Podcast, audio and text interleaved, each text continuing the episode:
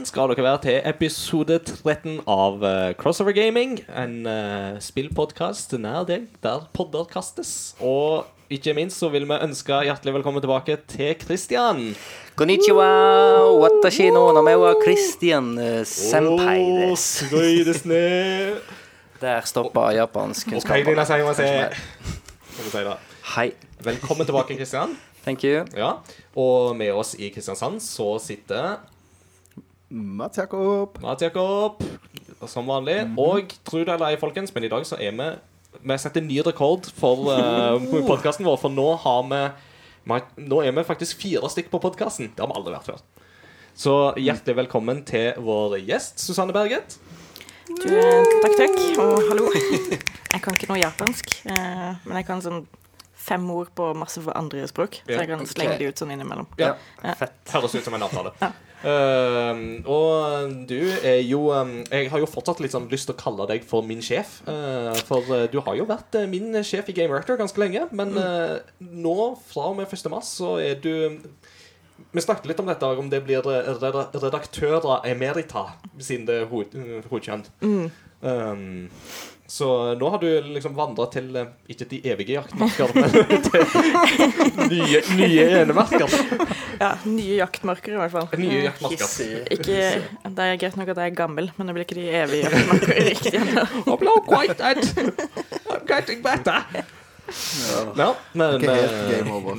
Nei, men du har jo eh, vært i Game Rector i ganske lang tid. Og nå er du her for å snakke litt om eh, dagens tema. eh, Som jo kan jo spoile litt allerede at eh, det blir litt sånn i anledning 8. mars, som er denne veka mens vi tar opp podkasten. Så skal vi snakke litt om eh, 8. mars-relaterte ting som òg har litt med gaming å gjøre. Så da er det bare å spenne setebeltene, folkens. Det kommer til å bli en eh, kul og bumpy raid.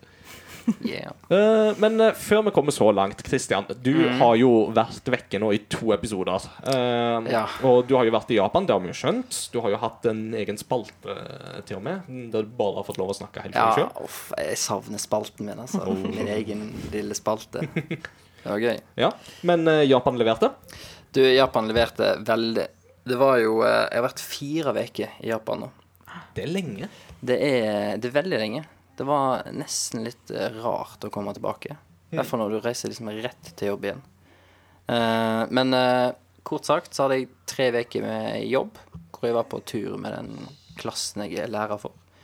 Og så hadde jeg vinterferie den fjerde uka da, i Japan sammen med min kone. Det er jo smooth. Mm. Ja, hva, hva vil du si var det særeste du opplevde i Japan? Altså, det er jo ikke første gang du har vært i Japan, dette her, men hva var på en måte det særeste? Særeste den gangen her eh, Første gangen så må det jo ha vært eh, Made kafé. Det er jo en spesiell greie. Eh, men den gangen her, så kanskje Kanskje Uglekafé. Ugle. Ja. Oh, det er jo gøy, da. ja. Det, ja, det, det er superartig. Jeg så en Hedvig eh, lookalike eh, innpå der. Det er smooth. Det er smooth. Vil du anbefale det? Ja, men det er jo litt sånn her i grenseland for liksom, hva er det som egentlig er bra for dyrene, og hva er naturlig for dem. For de er vel ikke åpne på kvelden når uglene egentlig er våkne, er de det? Nei, det er de ikke. Men så er de òg egentlig ganske sånn her eh, strenge på å, at de liksom De lufter uglene, da, så de har en sånn park som de liksom får eh, Hvor de får fly i, men det er jo fly med bånd, sånn at de ikke flyr for langt og rømmer. sant? Men så var vi òg innom sånn kattekafé. Og kattekafé og hundekafé tror jeg er liksom gull, for katter elsker jo liksom bare ligge i et rom, bli kosa på og få godteri av randoms som kommer inn. Så det er jo kanskje mer eh, Jeg var på, jeg var på en kattekafé når jeg var i San Francisco nå sist. Ja. Og de drev jo også med eh, bortadoptering av de kattene som var i kattekafeen. Yeah. Det er jo bra. Eh, så hvis man så en katt man likte, så kunne man på en måte søke om å få lov til å adoptere den. Oi. Og de hadde jo adoptert bort sånn 350 katter det året før. Da er det jo en, en, bra, en bra ting. Og det er jo klart at sånn som i Japan òg, så er jo Altså, vi tenker jo på disse her kafeene som veldig med, Som gimmick og litt sånn rare konsept, men greia er jo det at veldig mange i f.eks. Tokyo bor jo i leilighetskomplekser der de ikke er lov å ha dyr. Eh, og da er jo den, dette med å få nærkontakt med dyr er jo viktig viktig. Sånn rent, uh, altså, rent psykologisk så har jo det en positiv effekt for mennesket. Eh, så, så, så det er jo et, noe som oppstår av et behov, uh, dette her, og som jo faktisk kan være en positiv faktor òg. Men som vi jo sier, dyrevelferd er jo viktig i den forbindelse òg, da. Så Jeg er jo på aktivt utkikk etter en ny leilighet nå, bare Ja. sånn at jeg kan ha plass til å ha katt. Konge. Hva skal du med katt når du sitter med dette fine headsetet ditt som har sånne katteører katteører på? Uh, ja, det er jo godt poeng, men det er liksom ikke like mye kos. Nei. Du får ikke så mye respons. Nei. Ja, men det høres jo akkurat ut som en katt. Og ikke Ja, respons. ja, ja. sånn, I, don't, I don't acknowledge you, human.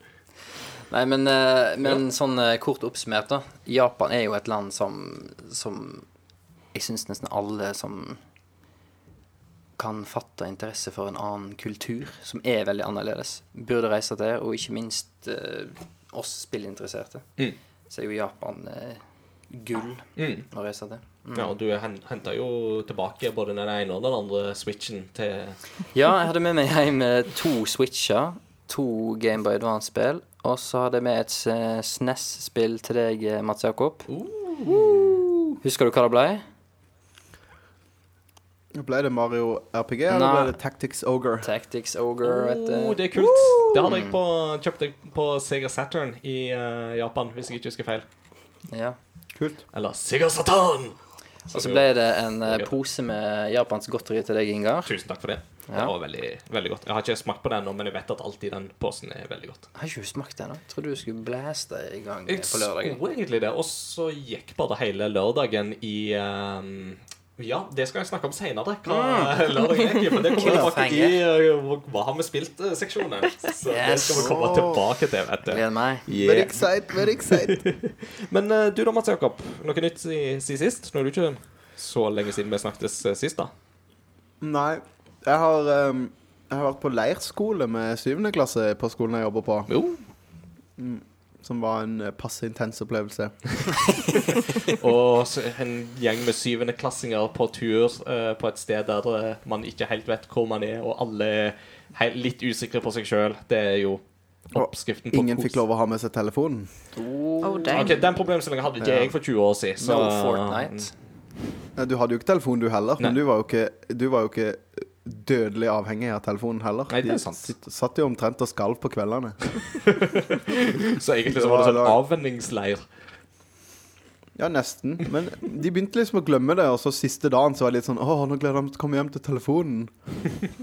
De hadde liksom ordna at venner skulle logge seg inn, sånn at de kunne beholde sånn streaks på Snapchat. Sånn. Jeg ble helt sånn paff. nei. Be be Det er veldig viktig for Sorry de da, er hvis sånn... du hører på er den generasjonen der, men er det én ting jeg ikke skjønner, så er det Snapchat streaks, altså. Det er fordi vi er for gamle. Ja. Vi er for gamle. ja. Ja. De er evige har jaktmarker jeg- venter på oss. Ja. Rett rundt neste sving. Takk, takk for et aldri så lite memento-mori der, Christian. Det var veldig hyggelig. Nei, altså Men jeg har en i klassen som, som, som Jeg har en i klassen som gamer noe annet enn Fortnite. Mm. Uh, ah. Og han, eh, han liker Nintendo. Ja, det er han, ja. Og han, han var overbevist om at jeg hadde Switch på rommet, så hver gang jeg kom ut fra rommet, så fikk jeg litt sånn der, oh, ja, Kikka litt på meg for å se om jeg hadde gama. For det, han sa det 'Du har med deg Switchen?' Jeg bare Ja, jeg har lov til å ha med Switchen. Og så ble han sånn «Åh, Jeg hadde jo ikke med Switchen, men eh, det trenger ikke han å vite. Fantastisk. Vi hadde godteri, da. Ja. Nei, så det var gøy. Så det um, Det var gøy. Og så har jeg um, Ellers har jeg bare hengt med family. Yeah. Nytt det fine været. Det har jo vært så fantastisk vær her i Kristiansand. Nice. Her er det, Fem- her er det 15 grått og grader. regn. Så grått og regn har vi her. Så lite Ja. som minner om mars enn så lenge. Ja, det var fint. Så uh, la oss ta og uh, høre litt med Susanne. Nå som du ikke lenger eh, skal sjefe på meg i Game Rector, hva skal du gjøre på nå? Eller hva har du begynt med nå? Jeg har begynt å jobbe for et uh, startup-firma som holder til i Forskningsparken, som har et eller annet med barnebøker å gjøre. Nice. Et eller annet med barnebøker. Et gjøre. Det er tidenes sales pitch. Ja. Nei, eh, jeg tror det jeg skal gjøre, er type produsere diverse barnebøker. Og så Ja.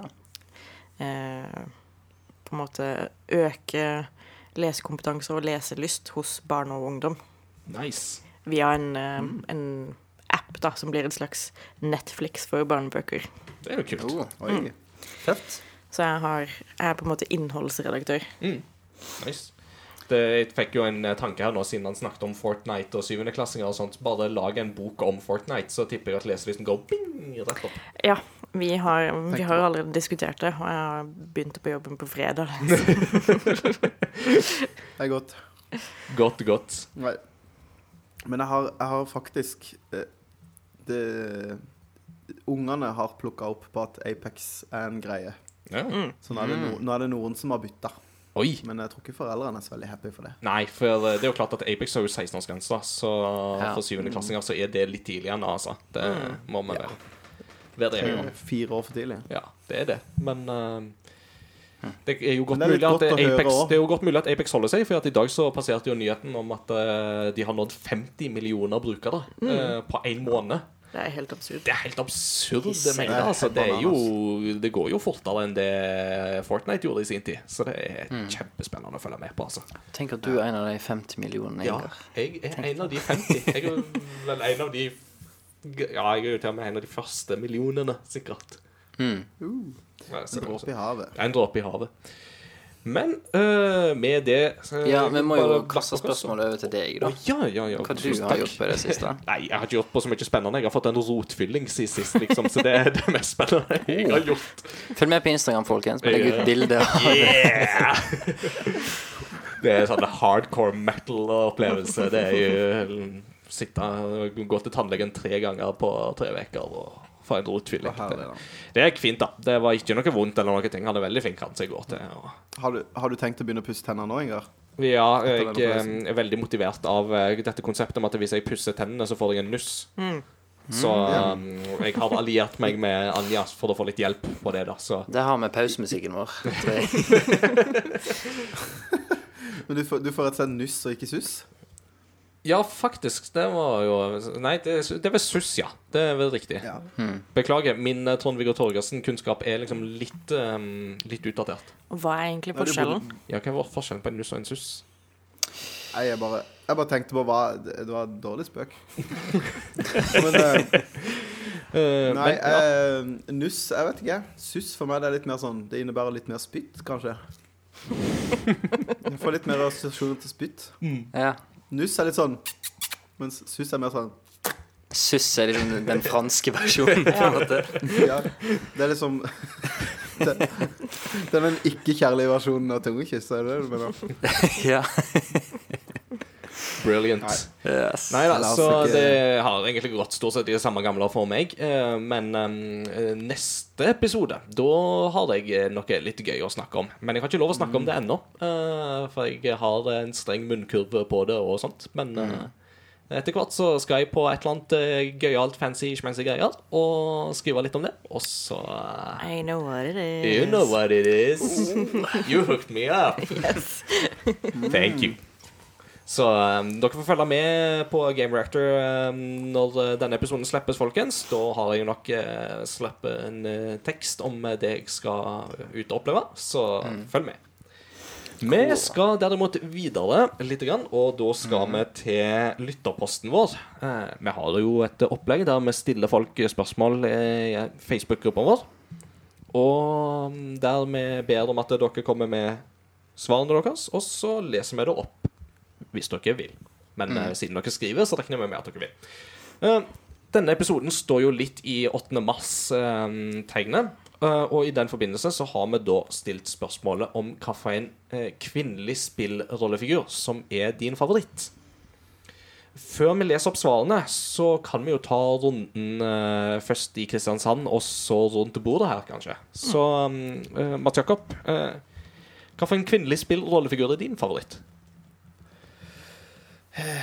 Jeg vet ikke. Det, det blir jo på en måte litt, litt det samme som når, eh, når Lars Hugo var her og vi snakka om par.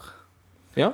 Eh, jeg syns jo jeg, Altså, jeg, jeg føler jo at det er liksom gitt at man liker Princess eh, Peach, eller Toadstool, eller hva man velger å kalle henne. Mm. Eh, og så har jeg jo litt svak for, for dama til Conquer i Conquer's Bad Fur Day. Mm. Syns det er en litt herlig karakter. Eh, men så har jo de siste blitt litt glad i disse her eh, damene i Uncharted-serien. da Ja. Både hun, eh, hun Nå husker jeg Elena hun blonde, og- hun blonde og hun mørke. ja. Elena og Chloé. Ja. Eh, jeg syns det Det er litt sånn gøy med litt sånn De er jo litt sånn To veldig ulike kvinnelige karakterer da Mm. i spillet.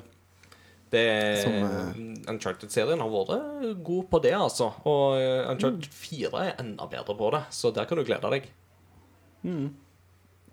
Jeg gleder meg skikkelig. Når PS5 kommer og noen donerer en PlayStation 4 til meg, da skal jeg. Du skaffer en PS4 at man søker opp når det skjer. Ja, det er bra. Ja. Yeah. Uh, nei, men eh, det er good. Uh, Susanne, som gjest så må jo du få neste eh, anledning. Uh, Hvilke noen eh, kvinnelige spillerrollefigurer vil du si er dine favoritter? Um, det må jo nesten bli uh, Rin fra Drakan Order of the Flame. Som er, som er et av mine favorittspill gjennom tidene. Eh, også fordi det var et av de første spillene jeg spilte hvor det faktisk var en kvinnelig hovedkarakter. Mm. Eh, og hun var kjempekul. Eh, og liksom voldelig og flink, og fikk lov til å leke med sverd og pil og bue. Og, Og drager, ikke minst. og drager. Hun har sin helt egen drage som hun flyr rundt på og bare liksom Ja.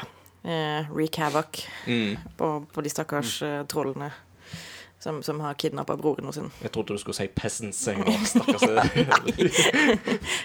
I sånn, i sånn beste Trogdor the Burninator-stil, så liksom kommer hun liksom bare flabbe løs på alle stakkars bøndene.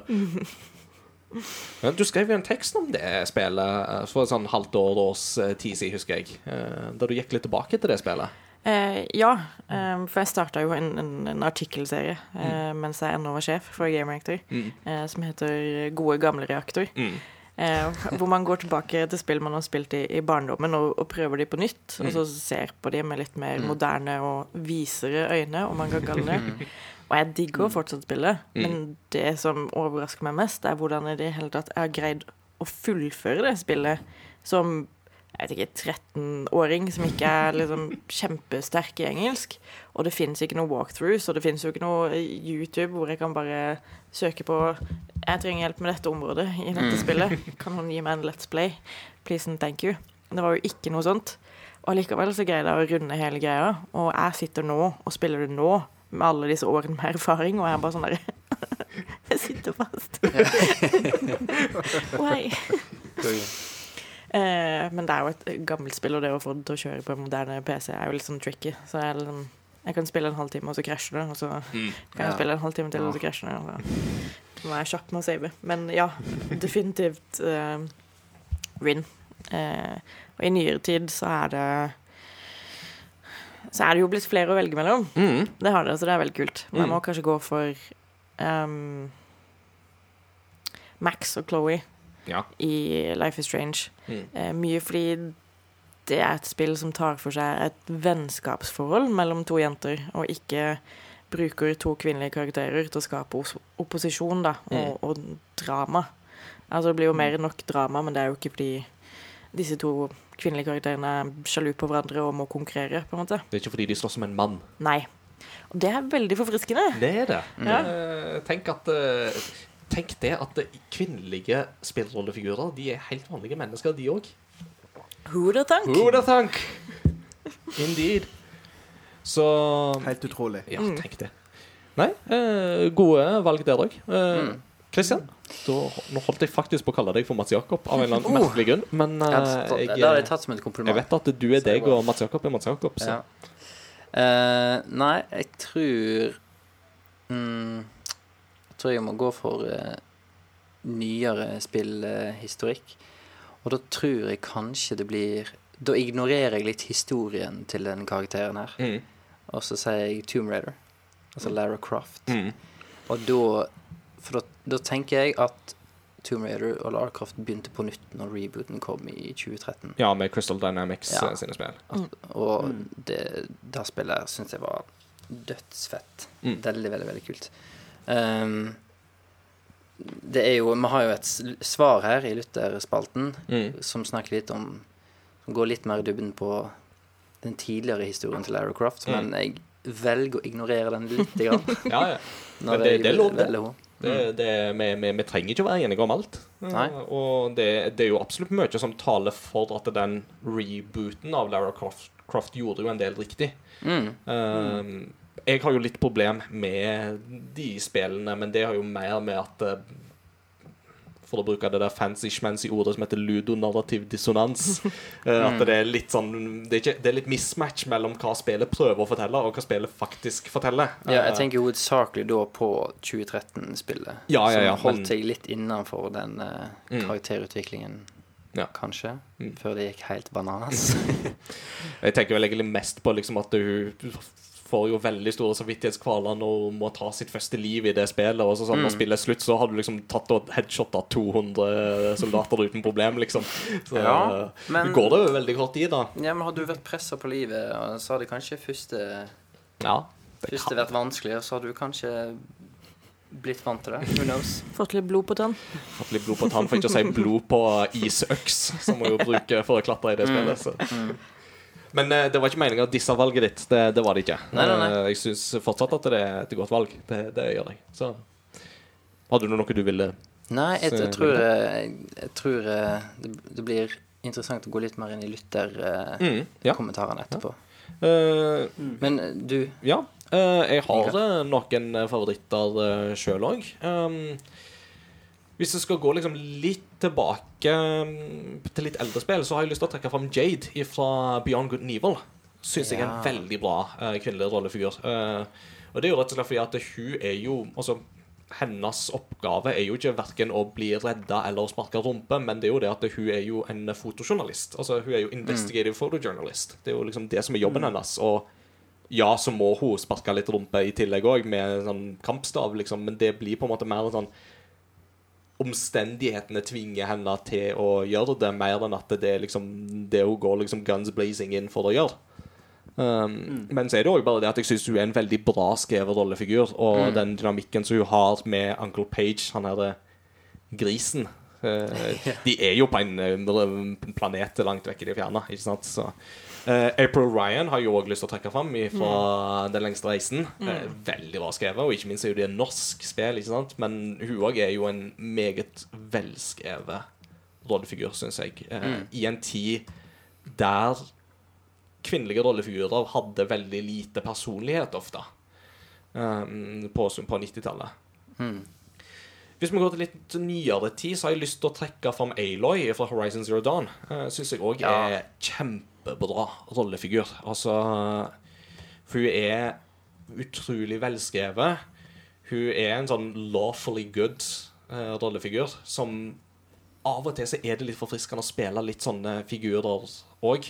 Eh, og jeg elsker hvordan hun aldri blir liksom en sånn love interest i spillet noen gang.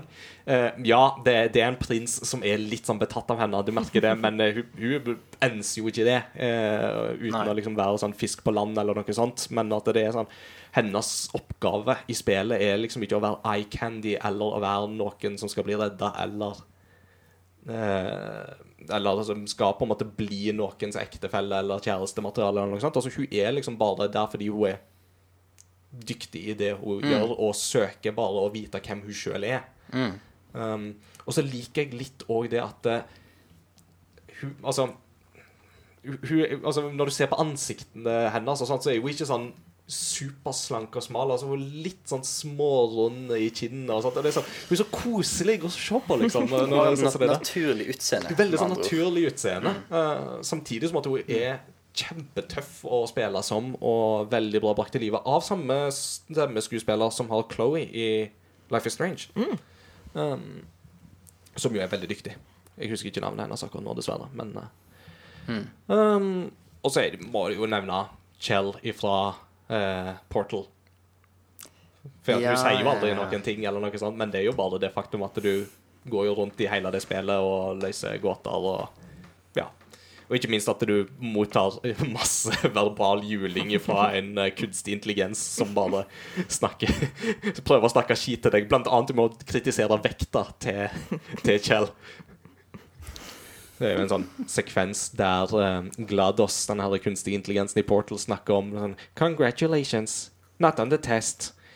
Most most um, test subjects suffer from severe malnutrition when they wake up from cryogenetics, no, cryostasis. I want to congratulate you on actually packing on a few pounds. Nydelig. Og sånn, bare liksom hvordan det spillet på en måte bygger opp masse sånne ting som det der, som er jo i utgangspunktet an Altså, det, det er jo en samfunnskommentar samtidig som at det er veldig bra humor eh, i det spillet òg. Ja. ja Portal-serien, altså. Det er bra. Absolutt. Eh, og mange flere kunne vært nevnt. Det har, eh, blitt, eh, det har blitt bedre med årene, vil jeg si, altså. Mm. Men med det så skal vi ta for oss lytterposten. Uh, Mats Jakob, vil du ta den, eh, kort, det korte svaret, og så kan jeg ta det lange svaret? Å, gjerne. Eh, Åsmund Solsvik skriver Tror nok det må bli Lara Croft for min del. Ellers så har jo også The Witcher-serien mange sterke independence womens, som han har skrevet. Som Cry og Trish Marigold. Ja. Nice. ja Kiri, sorry. Både Ja. Siri og Triss er jo Men også Jennifer. Og, mm. absolutt. Altså, Witcher-serien har, eh, har eh, noe for seg der, altså. Med, med gode kvinnelige figurer, Mm. syns jeg. Um, Jeg regner med Åsmund også ikke teller PlayStation 1 og 2-spillerne, da. Det er med Lara Croft. Vi får, eh, se. Det, det er jo klart at det var jo Altså, på 90-tallet Det var jo ikke så mange kvinnelige rollefigurer å velge av, og Lara Croft er viktig eh, i på en måte den his historien der, da. Samtidig som at rebooten var veldig viktig og riktig, den òg, da den kom, tenker jeg. Så har vi fått det som jeg antar må være den lengste kommentaren vi noen gang har fått her på podkasten. Og det er fra min eh, kompis eh, Christer van der Meren. Um, vi har vel talt på at den er på 800 noe ord, så her er det bare å lene dere tilbake, folkens. 861. Ja, Men det er kjempebra. Altså, Dette er engasjement, og Ja, ja. det innholdet òg er bra. Altså, så la oss ta det for oss. Siden dette er i anledning kvinnedagen, så må vi stille noen strenge krav til kvinnefigurene. La oss først derfor gå gjennom kravene. Punkt 1. De må være praktisk bekledd. Sorry, Bajonetta. Punkt 2. De må være realistisk proporsjonert. Sorry igjen, Bajonetta. Og Lara Croft utgår også pga. seriens tidligere spill. Punkt 3. Det må hjelpe spillet til å bestå Bechdel-testen. Er det riktig uttalt? Bechdel. Bechdel-testen. U- Ja. Eller er det bare en K Bechdel, liksom? E B-E-C-H-D-E-L. Ja. Ja Uansett, det betyr at de må være at de må være en av minst to kvinnelige figurer i spillet som snakker sammen om noe annet enn menn. Punkt fire. Null fanservice. Her er det mange syndere. Sorry, Samus. Bikini, svømmedrakter og andre tettsittende drakter ødelegger for deg i både Metroid, Metroid 2, Super Metroid, Metroid Fusion, Zero Mission og Samus Returns. Cortana fra Halo-serien utgår også av åpenbare årsaker. Jeg mener, Hun er en naken hologram-AI designet med elektrisk kretslignende detaljer som både strategisk dekker over brystvortene og fremhever den kvinnelige formen hennes fra topp til tå. Og selv om jeg gjerne skulle tatt opp til vurdering Kerrigan fra Starcraft-serien, så må også hun vike pga. fanservice. Her blir også enda et minuspoeng til Lara Croft, som i Legends slash Underworld for Unlockable tvilsomme kostymer som en tettsittende lateksdrakt i beste Trinity-stil. Spiller du Sibir-levelen med denne, feiler du også grovt på punktet om praktisk bekledning. Tror jeg. Jeg har aldri hatt på meg en tettsittende lateksdrakt. Det kan jo hende den er glovarm. Isolerer bra. Ja. Bayonetta er nevnt, men krever en spesiell mention. Jeg har hørt det ment at hun eier sin seksualitet og er ingens kjerring. Men å hevde at hun er proporsjonert som hun er, og på beleilig vis blir naken på sine kraftigere angrep fordi hun bruker det magiske håret sitt både som klær og våpen, sågar i et spill hvor hennes ultimates har sterke innslag av BDSM, Altså, å hevde at dette er av noen annen grunn enn titillating fanservice og økt salg, vil være en grov synd. Da i ordets originale betydning å bomme på målet. Det er faktisk sant. Det kan teologen i meg bekrefte. Så det sier seg selv at Bayonetta, både figuren og spillet, utgår med høye kneløft. Det blir for øvrig ganske høye kneløft med de beina. Det er imidlertid mange verdige kandidater. Jeg må dessverre utelukke figurer fra spill jeg ennå ikke har spilt, som da utgår, så da utgår f.eks. Ellie fra The Last of Us, Bra valg. Lovely. Senua fra Hellblade Senua Sacrifice, og et veldig bra valg. Aloy fra Horizon Zero Dawn og Solveig fra Battlefield 5, selv om disse sikkert er gode kandidater. Parentes. Er det bare jeg som tenker at det neppe er tilfeldig med en karakter kalt Alloy i et spill med stor innslag av metallbeist? But I digress. Eh, er det ikke Jon- Jon Cato som pleier å kalle henne for Alloy? Jeg har, jeg har nå skjært vekk det aller meste av alle topp X female character-lister jeg har sett, men det er likevel nok å ta av. Heldigvis. Verdige kandidater er Clementine fra The Walking Dead, Max fra Life is Strange og Siri fra The Witcher 3, for å nevne noen. Alle er veldig gode valg. vil jeg si. Men la meg nå presentere min topp tre, med forbehold om at jeg kan ha glemt noen som jeg hadde plassert her om jeg hadde kommet på dem. Tredjeplass GLaDOS. Man må bare elske en passiv-aggressiv ta takmontert robot med navn Generic Lifeform and Disk Operating System, stemmegitt av en operaskuespiller som kommer med slengbemerkninger om vekten til din kvinnelige avatar, Kjell, samtidig som hun frister med den infamøse kaken på slutten av testene. Andreplass Commander Shepherd fra Mass Effect. Som vi alle vet, er Fem Shep den eneste sanne Shepherd. Word. Jennifer Hales tolkning av galaksens frelser er og blir Mark Mears overlegen.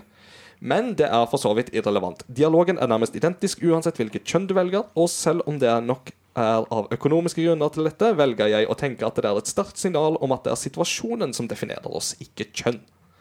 Femship er svært praktisk bekledd, realistisk proporsjonert, består Bechdel-testen, f.eks. snakker hun med lagkamerat Ashley om gudstro, og BioWare har heldigvis holdt seg for god for tåpelig fanservice. Vi kan jo diskutere da om eh, Liara og eh, Femshep-romansen i Mass Effect 1 er fanservice, men det ble en digresjon fra min side. Um, Førsteplass går derimot til en sidekick som i tillegg til å være praktisk bekledd og fornuftig proporsjonert også har humor, er ved din side i tykt og tynt og kommer med hjelpsomme tips når du sitter fast. Vi snakker selvfølgelig om Navi fra Ocarina of Time. Nei da, tulla! Vi snakker om Jeg hadde godkjent den. Hei, listen! Vi snakker om Alex Vance fra Half-Life 2. Yeah. Yes. Veldig bra valg. Hun er et ekte tredimensjonalt menneske med sine egne motivasjoner, meninger, gleder og frykter, noe man får kjenne på i ekte moments gjennom både Half-Life 2 og episode 1 og 2, hvor man sitter med hjertet i halsen og puster tungt i takt med en traumatisert Alex. Hun kan ta vare på seg selv og er sterk og uavhengig uten, at, uten at det er in your face. Hun er høyt utdannet og diskuterer forskning med andre kvinnelige figurer. Hun er velskrevet, stemmeskuespiller er kanon. Source-motoren var bra nok i 2004 til at grafikken og ansiktsanimasjonene fremdeles er troverdige nå 15 år senere. Og for min del var hun kanskje den første som demonstrerte denne totalpakken, ikke bare som kvinnelig spillfigur, men spillfigur generelt. Ved Alex ved din side går det som en dans.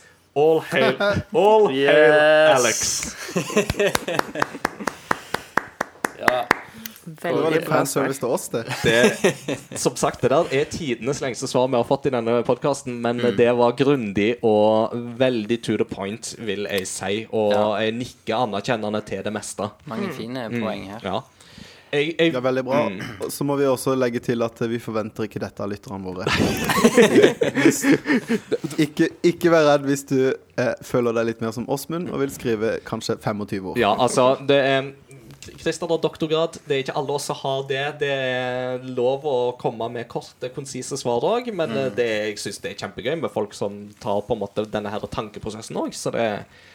Og som sagt, her var det veldig mange gode alternativ. Jeg syns jo Clementine var jo et godt nevnt, mm. men òg Alex er jo How could I forget Alex, liksom? Det er jo kjempebra innslag. Ja, det er interessant det der punktet han nevner med, med grafikk. For at, eh, jeg husker det var liksom et av de store sånn salgspitchene til Half-Life 2 veldig tidlig. Men da egentlig mest med han der eh, de- G-Man, er det han heter? At eh, ansiktsanimasjonene var liksom fem år foran alle andre spill. Så Source Engine hadde liksom naila det her med ansiktsanimasjoner. Og Alex Vance er jo et ansikt du ser ofte i det spillet. Det er jo et øyeblikk i Jeg tror det er i episode én av disse her utvidelsene som jeg syns er fantastisk med Alex. Og det er når du, dere går i en sånn mørk øh, under, En mørk tunnel. Og det er jo masse monstre og sånt her og der, og så plutselig så hører du bare sånn «Øh, øh», Og så snur du deg, og så er det bare Alex som står og lager de lydene, og så begynner du å le. Og bare, «Ha-ha-ha, lurte deg. Og det er bare legge inn sånne ting, altså. Det er sånn, Spill gjør ikke det da ofte nok Nei. Det, Nei, det viser litt sånn overskudd. Mm. Det er jo på en måte noe som det er Jeg syns det er mangel av i spillindustrien i dag. Mm. Fordi ting blir rusha ut døra i hist og pist. Og så er det liksom Du får det i indie-spillerne, fordi de har så mye tid de bare vil ofte. Mm. Ja. Spesielt de som er lagd av liksom én person. Speaking of rushed, skal vi snakke om hva vi har spilt i det siste? Oh. Yes. For jeg har spilt noe som jeg eh, Som var rushed? Som jeg eller? føler er litt rushed, ja. Uh, Er det Anthem? Oh, ja, ja. det er Anthem. Ja, faktisk, det er Well, Anthem. yes. Men uh, jeg tenker at Mats Jakob, du kan jo få um, ta, ta biten først uh, med hva du har spilt i det siste. Eh, Var det meg du snakka til? Ja, det var deg jeg snakka til, Ja. Da, da legger jeg det akkurat når du sa navnet. Eh, jo, jeg kan uh, si det at uh, siden sist har jeg ikke spilt noen ting. Oi. Eh, men det er fordi at jeg brukte min dyrebare fritid på å se High Score Girl. Åh, yes! Og jeg, jeg hadde lyst til å spille, men jeg hadde mer lyst til å se på det. Og så følte jeg at det er litt sånn Det, var så, det er så spillrelatert at det var nesten sånn, det var nesten sånn der, eh, smøretur for å få meg til å spille. Og se de spille alle de spillene. Nei, det er, det var Det er så gøy. Jeg var, tror jeg la meg klokka ett i natt. Om du en binger hele serien i ett, eller? Nei, jeg hadde Etter jeg var ferdig på leirskole, så fikk jeg eh, avspasering på fredagen. Mm. Og da var jeg hjemme alene, og da så jeg halvparten, og så så jeg resten i går. Ja. Men uh, det var nesten så jeg hadde lyst til å nevne uh, en av de karakterene litt sånn på tull i den eh, spalten her. At jeg, jeg ble så fascinert av uh, karakteren Akira Ono, Mm. som er ei jente som bare sier ingenting, og så slår hun alle i Street Fighter. Mm. Og på et tidspunkt i serien, der er jo ikke noe spoiler, da, så har hun så er hun i Arkaden, og så har hun slått masse masse voksne menn, og så har hun vunnet 111 kamper på rad. Og så sitter hun der og er sånn typisk sånn prippen anime-jente som liksom får ett et sånn svette En svettedråpe som pipler litt ned på sida. Men eh, kjempegøy serie. Det, liksom, det er min første anime-romcom, Ja. hvis du kan kalle det det. Ja, Det er, jo, det. det er jo på mange måter en romantisk komedie. Mm. Men eh, kjempegøy. Og så er, er det jo så stas at de har fått lisensen til så utrolig mange spillting. Mm. Det er så gøy. Eh, og masse konsoller, og, og litt den der at de på en måte De tøyser med så mye sånn gamerkulturting, med at liksom hovedpersonen eh, har kjøpt eh, Han snakker i en episode om at han klarer ikke bestemme seg for om han skal, om han skal bli en Sega Saturn-mann eller en PlayStation 1-mann. Mm. Og så han lander på PlayStation 1, og så nekter han å prøve Playst Nei, lander på Sega Saturn, og så blir han tilbudt å prø- komme over til ei jente og spille PlayStation 1, som har i praksis skaffa seg det litt for at han skal komme på besøk. Mm. Og så bare Nei, nei, nei, jeg kan ikke det. Jeg kan ikke være utro mot min Sega Saturn. Jeg er en Sega Saturn-mann. så ja, han er skikkelig sånn Nå! Og det er ordentlig sånn innlevelse. Sega Saturn! eh, så det Jeg koste meg med den serien, altså. Ja. Så det, jeg valgte det framfor å spille. Ja. Men det var jo Eh, og så- Ja. Og så har jeg brukt litt tid på å få uh, mine to sønner på uh, ett og tre år til å se på Studio Ghibli-filmer. Så vi satt I helga så har vi sett 'Katteprinsen' to ganger. Oi, det er bra, da. Nei. For den, den var gøy, så den måtte på med en gang Mm. etterpå. Nice. Når de blir litt eldre, så kan du òg introdusere de da for Whisper of the Heart, som jo Katteprinsen er en spin-off av. Jeg tenkte jeg skulle, Nå er det veldig lenge siden jeg har sett den Er det Pompoko han heter? Eller Mm. Pompoko? Pompoko. Ja. Pompoko, ja. Den er jo litt sånn cutesy, og så vil jeg jo vise de Totoro etter hvert. Men Ja. den har jo noen sånne ting som kan være litt skummelt. Men Mm. Katteprinsen er liksom Den er bare koselig. Den er helt støpt. Og så er det en bra norsk uh, dub. Ja. Ja. Med Fett. masse kjente liksom Harald Eide Steen spiller Kattekongen, for eksempel. Det var jo perfekt. Perfekt til den okay. rollen med litt sånn ko ko-ko, bustete katt. Det i seg sjøl er jo nok grunn nok for meg til at jeg kan se den på norsk, faktisk. Ja, men, men jeg syns det var en bra norsk dub, Ja. til, til en forskjell. For eksempel eh, Kikis budservice er jo ikke en bra norsk dub. Nei. Og den er vel nyere? Eller jeg synes ikke Ja, den er nyere. Mm. Men eh, det er mange ganske kjente skuespillere. Mm. Han eh, blant annet han ah, Det er en som er forteller i en sånn barne-TV-serie som gikk typ når vi var små, som eh, Som dubber den. Ja. Ja. Og Siri Nilsen, dattera til Lillebjørn Nilsen, er ho hovedpersonen, jenta, som heter Ja. så mye som eh, ha, ha, ha, Jeg husker ikke. Et japansk jentenavn. På H. Hanna, kanskje? Nei. Jeg, det er lenge Nei. siden jeg har sett Katteprinsen sjøl, så jeg skal ikke si det. Ja, det, ja, det er fullstendig irrelevant i Ja. Så det, til neste gang lover jeg at jeg skal ha spilt minst tre spill. OK. Challenge accepted. Ja. Mm, All right. prøv å slå meg. Fett. All right. Da bringer vi videre til Susanne. Det, nå har du jo fått all tida i verden eh, til å spille akkurat det du vil. Nei, det har du ikke. Du Ja. har jo fått jobb. Så. Ja. Men eh, hva, hva står på din spillagenda nå eh, i det siste? da? Du kan gå noen uker tilbake i tid, da. Det har du lov til. Eh, ja, det spiller vel egentlig ikke så mange roller hvor mange uker vi går bare tilbake i tid, fordi jeg har stort sett bare spilt Destiny 2. Yes! Konge. Fordi det er så sykt, det er, det er så sykt gøy. Eh, og Forsaken-utvidelsen er amazing. Mm. Eh, Vi bruker mye tid på å knote rundt i, i Gambit. Eh, og så har vi jo fått med oss hele den Valentines eh, hendelse, begivenheten, hvor, Mm. eh, eh, hvor du spiller eh, i Crucible eh, med bare to stykker på laget, fordi dere har et sånn band. Så hvis dere kommer for langt fra hverandre på banen, eh, så mister du en del eh, eh, bonuser og buffs og sånn. Romantic bond, liksom. Konge. Det er kjempegøy. Eh, Og når man er i nærheten av hverandre, så recharger granater fortere og melee skills Ja. og eh, super og sånne ting. Eh, og jeg er kjempedårlig i Crucible, men akkurat den modusen der gjorde vi det ganske greit i. Ja.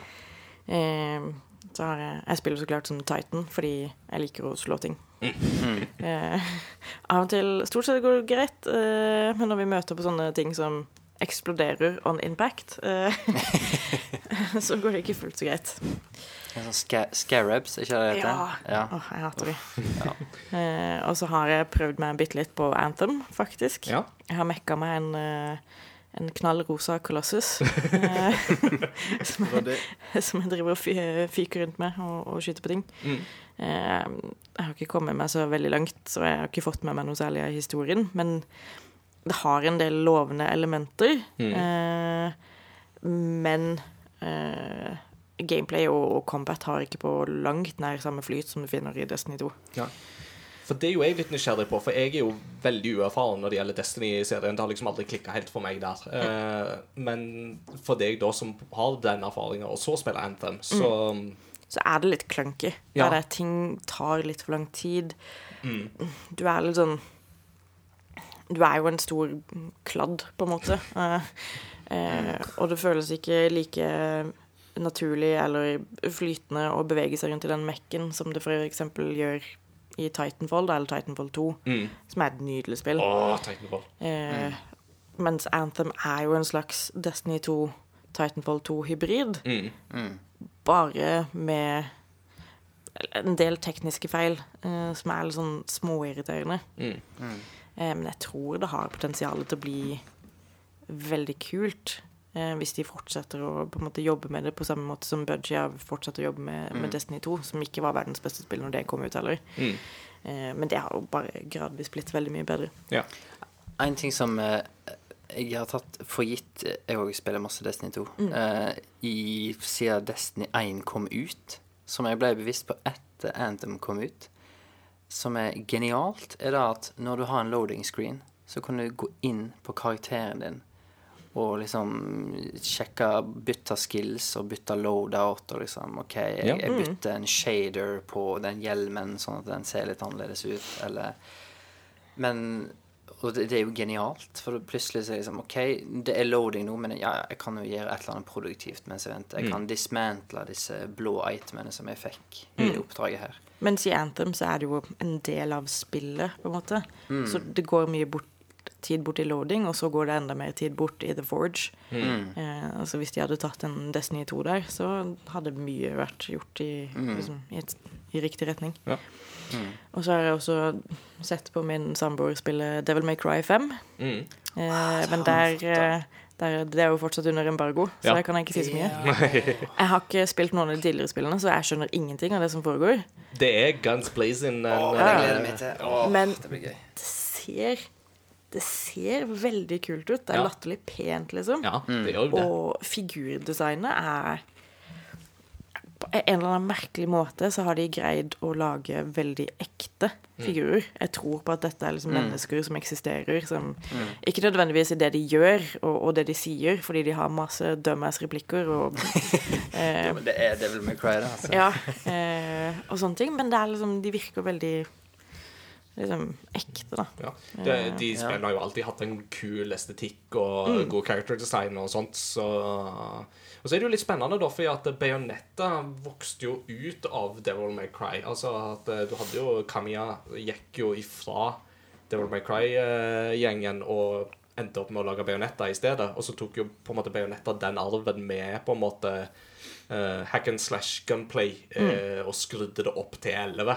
Mm. Uh, og nå har jo Bayonetta fått litt tyn for character design og sånt, og ja, det er masse en kamp Altså, vi skal ikke stikke det under en stol. Ja, det er fanservice til 1000 i det spillet og sånt, men samtidig så vil jeg forsvare Bayonetta litt, fordi hun er en grisekul uh, rollefigur. Ja, Og- da, da trenger ikke vi motsetning akkurat da. Nei. ja, det er ting der som ikke er helt uh, konge, men hun er jo likevel en dødsfet karakter. Mm.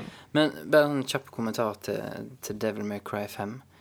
Altså, hva, hva er det som har skjedd med Capcom? Ja. De, plutselig, plutselig, liksom de tre siste årene som er ja, Folkens, hva med at vi liksom plutselig begynner å lage bra spill igjen? Altså, jeg så tror kom Resident Evil 7. Sju, ja, Resident Evil 7. Monster Hunter World. Ja, Resident Evil 2 Remake. Mm. Nå May Cry 5, som ser Megaman veldig kult ut. 11. Megaman 11 òg, ikke minst, ja. Som jo Ja. faktisk ikke fikk så mye oppmerksomhet, men Ja. som absolutt bør nevnes. Plutselig så bare nei, men altså, Det er virker jo som at eh, altså, Capcom hadde nok en sånn liten periode i forrige konsollgenerasjon der det var sånn Nei, nå skal vi satse mer på det vestlige markedet. Og så prøvde Ja. å tilpasse seg veldig det, og så klarte de ikke helt å få suksess med det, med sånn som den Lost Planet-serien, var det vel det het. Ja. var Devil May Cry 4. Devil May Cry 4. Um, Det var så ikke Det ser jo ikke ut. Nei, og altså Dark Void hadde, var jo òg faktisk et Capcom-spill eh, som jo var sånn basically Anthem, eller eh, Egentlig så er det jo mer en sånn Virker jo som en sånn spin-off av Rocketeer, eh, den gamle filmen fra 90-tallet. Um, Det var liksom litt sånne ting de virka som at de prøvde seg på, da uten å på en måte helt få det til. Og så virker det jo nå som at de mer har på en måte funnet La, la oss gå tilbake til kjernen av det som har gjort oss gode, og så jobbe mer med det. Resultatet er jo OK, vi får kanskje færre nye, originale um, titler og sånt ifra de, men akkurat der de er nå, så kjenner jeg at det gjør meg ikke så masse, for nå leverer Nei. de kvalitetstitler. Kan jo få Så la oss bare på håpe at- Hva blir det? Onsdag? Ja, Mm. på onsdag får dere vite hva min samboer syns om spillet. Ja, så det vil si at når denne episoden er ute, så kan folk gå på Game Reactor, og så kan de lese den Ja, fordi han jobber jo fremdeles for de. Mm. Eh, The Trader. Men uh... Skal vi hjem og krangle litt nå? Ja. Men, uh, Nei, det er men, bare greit eh, at en av oss får gratis spill. Ja. Men ja, Mats Jakob. Jeg må bare håpe Jeg bare tenker liksom Jeg syns jo det er utrolig positivt at Capcom har på en måte innsett at de har på en måte neglisjert eh, noen titler som på en måte ikke lå noen grunn til å neglisjere, da. Altså at det, Som Megamann og Altså at de på en måte plukker opp de seriene igjen. Mm. Og så får vi jo bare krysse fingrene for at Konami ser på det og tenker hm, det var kanskje ikke en dum idé. Mm. Eh, Ønsk, at vi ønskedrøm. ikke Ja, ja, ja. Jeg bare, vi har nok pachinko-maskiner og Yu-Gi-Oh-kort. Vi trenger noen spill som er bra. Gjør noe med Kontra. Gjør noe med, altså, de har så mye bra. Ja. De har, eier jo så utro, De kjøpte opp så utrolig mye. De eier jo så, Castlevania. Ja, Castlevania kontra. er jo i- så i vinden takket være Netflix. Gjør noe med den lisensen. Det er sikkert en, eh, en Netflix Castlevania Pachinko-maskin i Japan. Ikke nevn det. Helt- helt garantert. Å, fysj. Ja. Eh, Nei, sånn, hva, hva Anthem angår ja. Hvis du har lyst på en måte å se litt av det potensialet som ligger der, for det ligger enormt mye potensial Mm. der, så bør man se den der trailer-slash-kortfilmen til Neil Blomkamp. Ja, Fordi holy crap, den er it's so good. den, uh, Hva, hva er det for noe? Altså, Neil Blomkamp, eh, vet, kjenner du det navnet? Ja, det, det er kjent navn, ja, eh, altså Han har jo regissert filmer som District 9, Elysium og Chappie. Ja, Eh, han, ja. Sørafrikaner. Eh, Og det var vel omtrent litt samme dag som Anthem ble lansert, så lanserte han en kortfilm eh, som basically er holdt på å si, en kortfilm satt til Anthem. Åh, den ser så bra ut. Og Er jeg er det lisensiert, liksom? Er det Anthem? Ja, han har gjort den i samarbeid med BioWare og EA. Okay, ja. uh, og jeg bare håper at det egentlig bare er en trailer Mm. til en faktisk film. Fordi er det noen som kan lage en BioWare-inspirert film, så er det Neil Blomkamp. Ja, jeg tror at hvis han kan finne tilbake til liksom, de beste sidene fra Elysium, Mm. og kombinert også med de beste sidene fra District 9, -hmm. og kanskje noen av liksom, de kule grunnkonseptene fra Chappie Ja, tappa Problemet til Chappie var jo at han prøvde å bite over for mange konsepter på en gang. Det er sant. det er sånn- sant. Jeg, Ja. jeg, jeg misliker ikke Chappie under noen omstendighet, men det var ikke en så god film som jeg skulle ønske at det var. Nei. Altså Hvis han hadde konsentrert seg som, om ett av disse store temaene, Mm. som type Kan en kunstig intelligens bli eh, sapient og self-aware, og kan den utvikle en sjel? Mm. Det hadde vært mer enn nok, men i stedet så var det sånn der Å, kan du ha et liv etter døden? Kan Mm. du tjo hei? Hva, hva er en sjel? Og så videre. Og så ble det bare masse rot. To be or not to be. Not to be. Filosofisk rot. Ja, du har vel spilt litt Anthem du også, Ingar? Ja, jeg har det. Jeg jeg tenkte jo jeg kunne skyte ballen til Christian, men siden vi snakker om Anthem, så må jeg jo kanskje spytte inn mine tanker òg. Um, Defend yourself. Nei, altså, når du spurte hva jeg har gjort på hvorfor jeg ikke har spist snacks eh, i lørdag, på lørdag, så var det fordi at nei, da satt jeg og spilte Anthem i stedet. Eh, I alle fall med en del av lørdagen da mens jeg ikke gjorde husarbeid, så gjorde jeg Anthem. Og så ble jeg lei, og så gjorde jeg husarbeid i stedet. Så det Nei, altså, for meg så har jeg jo tidligere sagt at uh, for meg så vil Anthem være et make or break for mitt forhold til BioWare, fordi jeg mener at BioWare er et av de selskapene som har lidd eh, Eller som har kommet dårligst ut av det å bli kjøpt opp av Joho. EA. Oh, ja. Eh, For alt etter Mass Effect 2 har alltid hatt et eller annet ved seg eh, som ikke har vært bra. Um, altså Dragon Age 2 var jo rusha til 1000. um, Mass Effect 3 hadde slutten som på ingen måte var noe god, og som bare på en måte sto imot alt det de snakket om. Jeg likte Mass Effect 3 utover det, men Hvis de bare hadde kutta liksom de siste eh, 20 minuttene mm, Type du har, eh, du har Shepherd, du har eh, han eh, commanderen, holdt jeg på å si. Eh, driver og taster inn og slår inn noen koder. Mm. Og eh, liksom krysser fingrene og håper og drømmer om at ting skal funke. mm, Du avslutter der. mm, Bare liksom eh, fade to white, Ja. fade to black, Ja. rulletekst. ja. Oh, You just rewrote Mass Effect 3, and it's better! Ja. Søker jobb i Slapp de, slapp de ikke ja BioWare dere kan sånn- kontakte meg på. Men uh, slapp ikke de sånn fem nye slutter på det spillet etterpå? Jo. Fordi folk klikka for slutten på på treeren. Og- Og det står jo eh, Det står jo litt om Bitte, bitte litt om Mass Effect 3-utviklingen i denne Blood, Blood, Sweat and Pixels, ja. Og da sier ja. de da at de var kraftig pusha av EA. Jeg lurer på om det er det som gjorde at disse her eh, doktorene slutta i BioWare. Ja. For de merka bare OK. Og- det Ja, pushet du merker jo på, på slutten at de får et sånt enormt behov for å overforklare sin egen mytologi. Mm. Hadde Bioware Mm. fått lov til å holde på aleine, så tror jeg slutten hadde vært helt annerledes. Absolutt. absolutt. Men her er det helt tydelig at EA har vært inne med produsentfingrene sine og Mm. litt sånn Folk kommer ikke til å skjønne Folk kommer ikke til å skjønne dette og så blir de pissed, Ja. og så Altså, det er kjempeirriterende. Og så er det jo da Etter det så har vi jo da hatt Dragon Age Inquisition, som jeg jo vet du er kjempefan av. Uh, Eh, men som for min del var jo sånn Jeg spilte Dragon Age Inquisition og følte aldri at det leverte det jeg skulle ønske. Og så skjønte jeg ikke nødvendigvis helt hva det var. Og så spilte jeg jo The Witcher 3 senere, så var det på sånn Å ja, det var det jeg ville ha. Eh, men, men altså, der hadde de jo dette problemet med at de måtte bruke Frostbite som grafikkmotor, og Frostbite hadde jo vesentlige mangler uh, til å lage sånne type spill.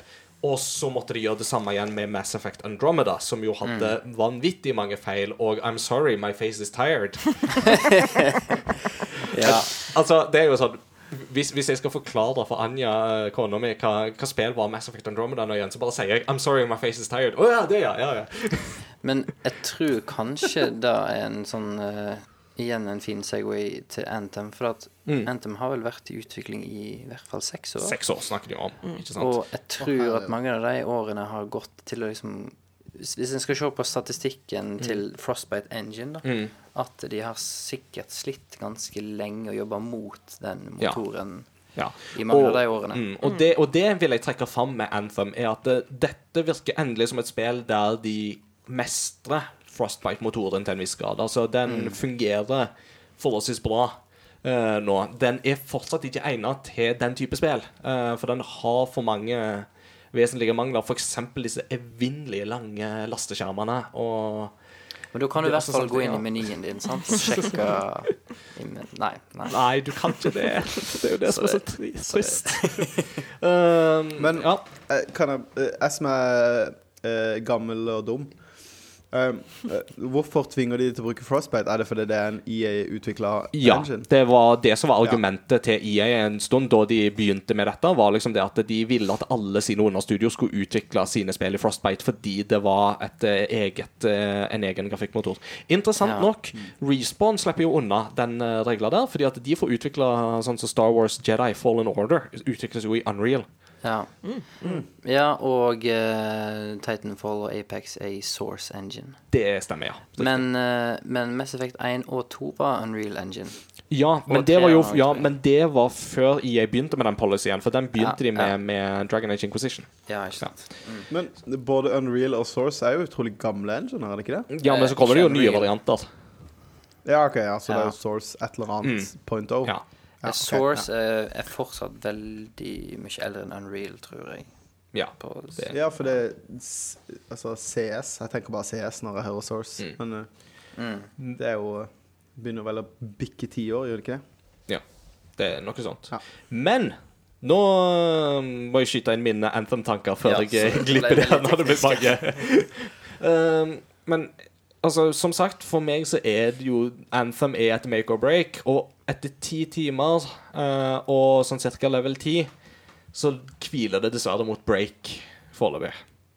No. Og det er det, Altså, du har en setting Du har en law her som virker veldig interessant.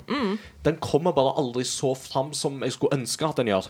Du har rollefigurer som har Det er sånn Noen av de du møter underveis, virker kjempeinteressante, men jeg får aldri komme så inn på de som jeg skulle ønske. Eh, og så er det jo dette gameplayet som er ekstremt gjentakende og kjedelig. Og nå er jo ikke jeg en looter shooter-fan i utgangspunktet, um, så den gjentakende formelen som du får der, er ekstremt tung. Altså, men òg bare sånne småting som at det er sånn Å, nå er du ute i det store og åpne og i det fri. Å, her var det en hule. La oss gå inn der. Lasteskjerm. Istedenfor bare la den gå smooth inn i eh, grotta og liksom jobbe ut ifra det. Så det er jo ikke så åpen verden som du egentlig skulle ønske at et sånt spill faktisk skulle være. Eh, og så er det jo Ja, det Jeg klarer ikke å engasjere meg så mye for det spillet som jeg skulle ønske. Selv om jeg merker liksom at her er det potensial, her er det gøye ting. Og ja, en viss stund så er det gøy å fy- fyke rundt som Iron Man. Og ja, jeg har malt min uh, Javelin-rustning som Iron Man. Ja. Veldig fornøyd med det, by the way. Nå har jeg til og med fått en sånn uh, variant sånn at uh, rustningen min ikke nødvendigvis ser gammel eller skitten ut. Den ser liksom sånn helt OK ut. Så det er sånn Yes, okay. endelig så ser det faktisk litt bra ut. Uh, og så er det jo bare Men Nei. Um, enn så lenge så har jeg ikke så mye veldig positivt å si om Anthem. Det er liksom sånn du, Ja, det, dette kunne vært bra og sånt, men igjen, altså Du sier de har jobba med dette i seks år, men dette skulle de ha fått jobba enda mer med. Dette er et prosjekt som eh, jeg er overbevist om at EA har uh, pusha og lansert altfor tidlig for at de skal nå finansåret eh, eh, 2018. Ja, altså det kunne godt trengt to år til. Ja. Og det hadde ikke gjort meg noe, egentlig. Men det er, liksom- det er så synd, fordi når jeg først får klatra inn i denne kolossusen min og drar ut for å, for å banke opp hele verden, basically, så føles det veldig, veldig kult. Og veldig digg. Eh, men det er så mye rundt som gjør at det blir litt sånn Jeg vet ikke om jeg gidder å klatre opp i kolossusen min. Mm, ikke sant? Ja. Og, men, men jeg liker hele denne her kombinasjonen av fantasy og science fiction som de har på en måte bygd i denne her Lauren sin. da Eh, Og jeg hadde liksom skulle ønske på en måte litt mer av det, for det er jo det BioWare er så flinke på. Når de klinker til med det beste, så er det jo law og story og rollefigurer. Det er jo det de kan aller, aller best. Eh, og dessverre så føler jeg ikke at de kommer fram så godt som de burde. altså. Um, men jeg har spilt noe annet òg, i tillegg til Anthem. Uh, For jeg kan ikke bare spille det og Apex Legends, som jeg har spilt enda mer av. Beste plassering er en andreplass. Uh, så yeah, det begynner å nærme seg en uh, Det er ikke chicken dinner i dette spillet her, da, men det, Apex er kjempegøy. Det, det kommer jeg til å spille masse av framover òg, altså. Og du har jo uttalt deg om Apex i, i, hos NRK. Ja, det har det jo til og med. Jeg har jo vært Ja, ja, ja. Så nå er du jo Game Reactor sin Apex-ekspert. Ja. Et, det, var, det var etter å ha spilt Apex en kveld, så er sånn Du har jo én match, eh, casual match, i eh, Eh, Jeg måtte jo uttale meg om Apex og Fortnite, og jeg har jo ikke spilt noen av delene. Sånn Ja, la, la meg bare dra noen meninger ut Ed, av ed, ed, educated guess. Ja, ja. Ja. Eh, så Apex eh, går det masse av, og mm, det er jo litt sånn interessant, for Apex begynner å ta mye av den tida som Overwatch hadde før hos meg. Så, Men jeg Ja. spiller jo fortsatt Overwatch, selvsagt. De har jo fått nytt kart, som jo er gøy å teste og sånt. Så. Mm. Eh, men det er en spill jeg tenkte jeg skulle nevne, eh, det er Wargroove. Ja! And it's groovy, baby. ja. Eh, det er For de som ikke har fått med seg hva Wargroove er, så nevner jeg bare Advance Wars. Mm. det, er ja, det er basically en åndelig oppfølger til Advance Wars med fantasy og drager og uh, thingamajigs. Um, så det er utvikla av Chucklefish, de som har gitt ut Stardew Valley. Dette er vel første spillet de har laga sjøl, tror jeg. ja kudos. Altså, de er og, med ja da, og, altså, og dette føler Altså, jeg, altså de, de kopierer skamløst fra Advance Wars, det er det ingen tvil om. Men eh, de får det ganske bra til, altså. Mm. Foreløpig så mangler det på en måte litt av den dybden som jeg kjenner fra Advance Wars-serien. Uh, så den har det, det, det kunne nok hatt litt mer blankpolering, litt mer finpussing og litt mer dybde uh, ved seg. Uh, men til å være et indiespill uh, som koster 169 kroner på Switch, uh, og som gir meg kjempegode assosiasjoner til en kjempegod serie, så er dette Altså, dette skal jeg spille mer av, altså, og det er veldig gøy så langt. Fett. Kult. Mm. Kult. Du, um, hvis du liker Advance Wars, så burde du teste en Super Nintendo-serie som heter Earthlight. Har du hørt om det? Ja, jeg har hørt om Earthlight, men uh, aldri spilt. Det er, det er på en måte Det er veldig likt, men det er, baser, det er sånn heksagonbasert og ikke uh, firkanter. Kult. Så det er litt mer uh, Men jeg har prøvd det, men jeg kan jo ikke Jeg kan jo ikke lese ett tegn på japansk. så, så det blir jo litt sånn å sitte og gjette. Så å spille strategiske Ja, nå har jo akkurat Christian sagt at han har kjøpt et japansk strategisk RPG til meg. Good luck. Men, og, eh, men der- og Tactics ja. Ogre er ikke lett. Så det, men, men jeg syns det er veldig gøy å sitte og knote med sånne spill. da Mm. Ja. Teste meg litt fram. Og, for det, det er sånne spill som Ja, ikke sant? Eh, Ja, men det det er gøy å teste det ut, Ja. liksom. Absolutt. Ja. Så det var mine spill. Det var Anthem, Not So Fun, Wargroove, uh, More Fun og Apex Legends, Lots of Fun. Eh, Christian, da får du ta det til slutt, før vi tar pause. Yeah. Jeg har jo uh, Jeg er nok en av de som eh, i min sånn uh, kompisspillgjeng som har uh, gleda seg mest til Anthem. Og var megagira når jeg så den der E3-revealen. Og bare Å, fytti grisen, så kult. Eh, og så den der eh, gameplay-traileren om igjen og om igjen om igjen. Og gleder meg dødsmasse. Men sakte, men sikkert fått en en sånn sigende, sånn dårlig magefølelse på det spillet her. Og jeg kunne jo ikke spille da når det kom, for at jeg var jo i Japan. Så jeg fulgte jo bare mye med i, i diverse podkaster, og um, når jeg hadde nett, så var det liksom YouTube og show previews og sånn, og så skjønte jeg jo liksom etter hvert at shit, det, det går ikke veien, liksom. Nei. Men da hadde jeg bygd opp eh, et sug for eh, looter shooter. Så da eh, var det når jeg kom hjem og hadde en, jeg hadde en fridag før, eh, før jeg skulle på jobb igjen. Og da klokka jeg mange timer i Destiny 2. For da hadde jeg liksom Jeg hadde hatt en pause fra Destiny en stund, og så bare ringte jeg til en kompis bare Du, har du fri i dag? Ja. Åh, Destiny 2. Det blir veldig spennende å se om Destiny 2-salget vil ta seg opp i kjølvannet av Anthem-lanseringa. Fordi at folk får litt sånn OK, dette er en sånn looter shooter, men dette var ikke så gøy. Men jeg hørte Destiny 2 er gøy. Og så, Ja, Hvis ikke Destiny 2, så kanskje Eller bo, kanskje både Destiny 2 og Warframe, da. ja. At Destiny 2, Warframe og Anthem er litt sånn Og Division til en viss grad er kanskje litt sånn konkurrenter, på en måte. da ja. Og Division 2 er jo like rundt hjørnet. Men uh, storkoser meg med Destiny 2, for de av dere som, som har spilt det ganske mye, så sitter jeg fast i det der eh, Ace of Spades-questet. Har du Ace of Spades? Så klart. Ah, jeg eh, Grunnen til at jeg ikke spiller Grunnen til at jeg er mest glad i PVE, og ikke så veldig glad i PVP, er at jeg blir så vanvittig sur. at det blir sånn eh, Jeg er ikke glad i den personen jeg blir. Og akkurat det der, når du snakket om Ace of Spades, så fikk jeg Motorhead på hjernen. ja. Fikk lyst til å spille Tony Hawk 2. Uh, spiller du på PC eller Jeg spiller på? PC, ja. Men Ja. med kontroller.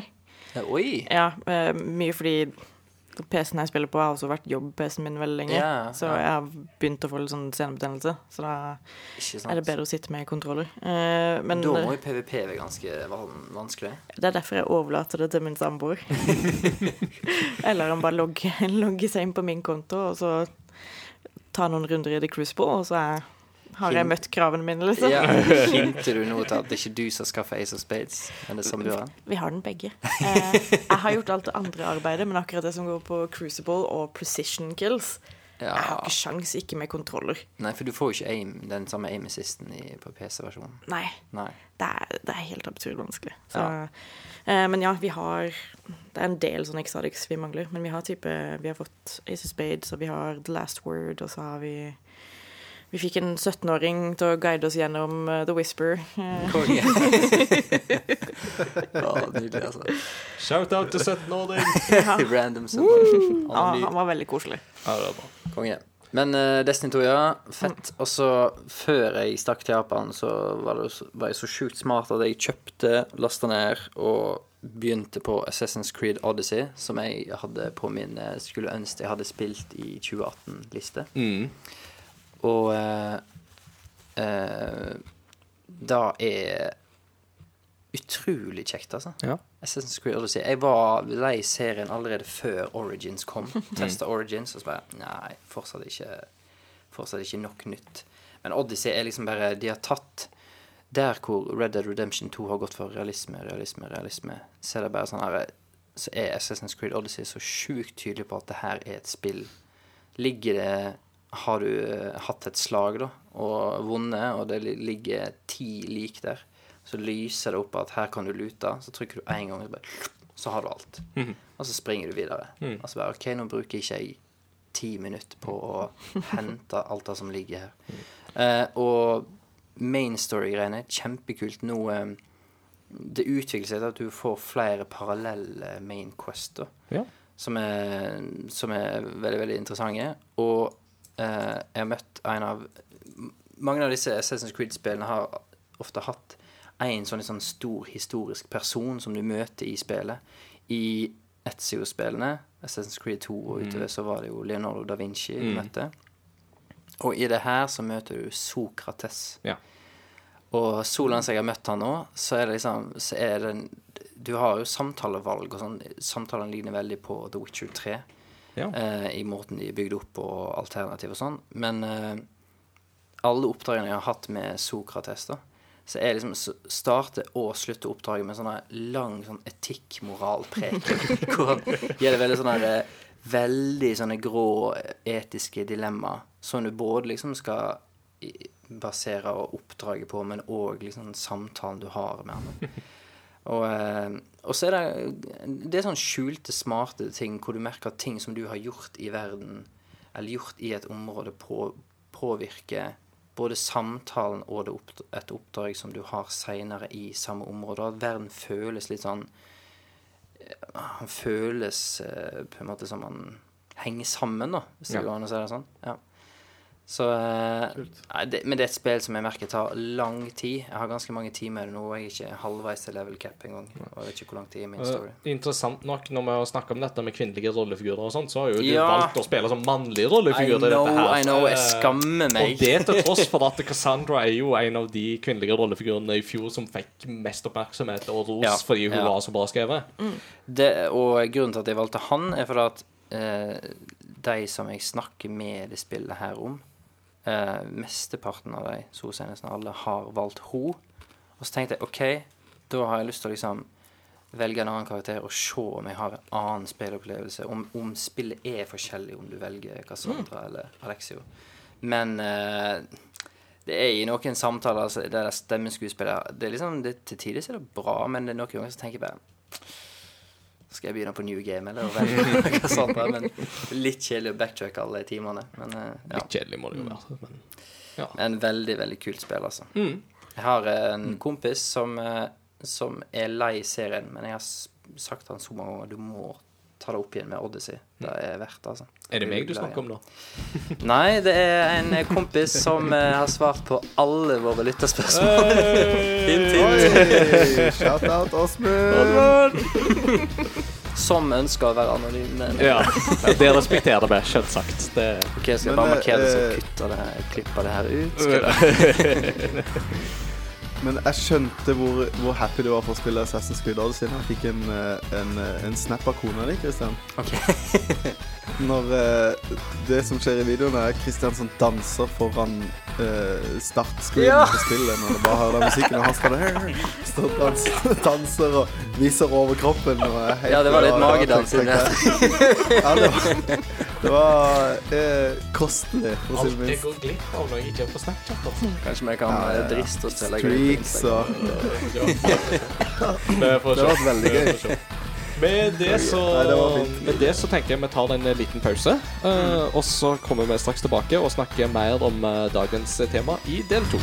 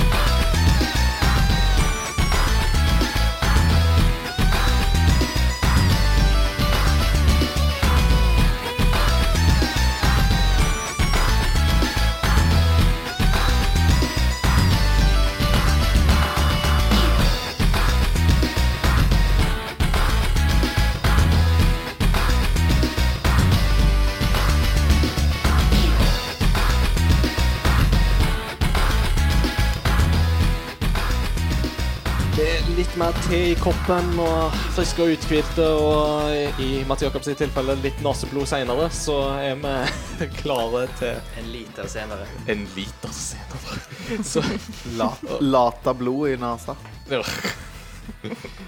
Uansett så er vi tilbake igjen, og um, i del to så pleier vi å ta for oss et tema og snakke litt om det. Og i anledning kvinnedagen 8. mars så syns vi jo det var veldig naturlig å ta for oss um, dette med kvinner og gaming. Um, og 8. mars-tematikk generelt, og gaming.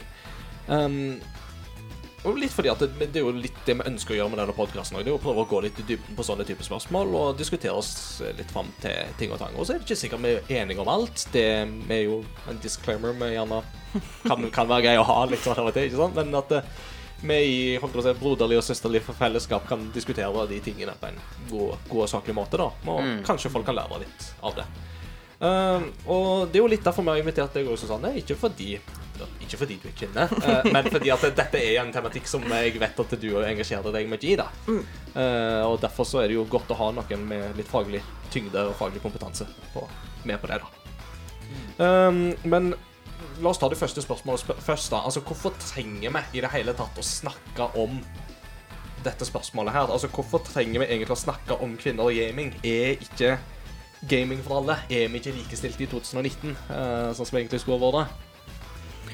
Altså, sånn rent demografisk sett så er man jo relativt likestilte. Altså, de som spiller, er grovt fordelt 50-50 jenter og gutter. Mm. Uh, men eh, når det kommer til eh, representasjon av kjønn i spill, eh, så er jo saken en helt annen. Mm. Sånn som på E3 i fjor, da, så var kun hva da, 8 av, av alle spillene som ble vist frem, hadde en kvinnelig hovedkarakter. Mm. Eh, Sammenligna med 21 eh, mannlig hovedkarakter. Og da ser man bort ifra liksom, multiplayer-spill hvor du kan velge hvem du spiller med. Mm. Altså rollespill og sånne ting.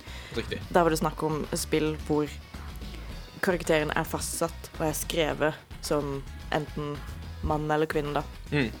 Og der er det jo stor overvekt eh, av menn fremdeles. Eh, selv om ting så klart har blitt mye bedre det siste. Eh, nå har vi jo fått eh, Apex Legends, blant annet. Mm. Eh, som har en del kvinnelige karakterer. Ja. Eh, Apex har vel 50-50, hvis jeg ikke tar feil. Mm. Og det har jo Overwatch òg, faktisk. Mm. Har sånn ca. 50-50 kjønnsfordelt. Litt avhengig av om du teller Zenyatta som eh, ja. Spørsmålet er jo har roboter kjønn. Eh, så Zenyatta som en omnik som en robot Det har jo Chappie-filmen svart oss på, sikkert. Ja, ja, ikke sant. Eh, så, så ting skjer jo, da. Mm. Eh, og som ros til Apex Legends er det jo også det er en av veldig få spill eh, som også har en, en kvinnelig holdt jeg på å si, afroamerikansk hovedkarakter. mm. Eh, de er det ikke så veldig mange av. At det er med to i Ja, Apex to. Legends. Ja. Eh, og akkurat den biten av demografien har jo spurt etter det i Overwatch siden det kom ut. Mm. Eh, og er liksom veldig hyped på Apex Legends. Mm. så det er kult. Det er kjempekult. Men eh, det faktum er jo at kjønnsfordelinga i spill er kjempeskeiv. Mm. Um, Og det er jo bare når vi snakker om rollefigurer.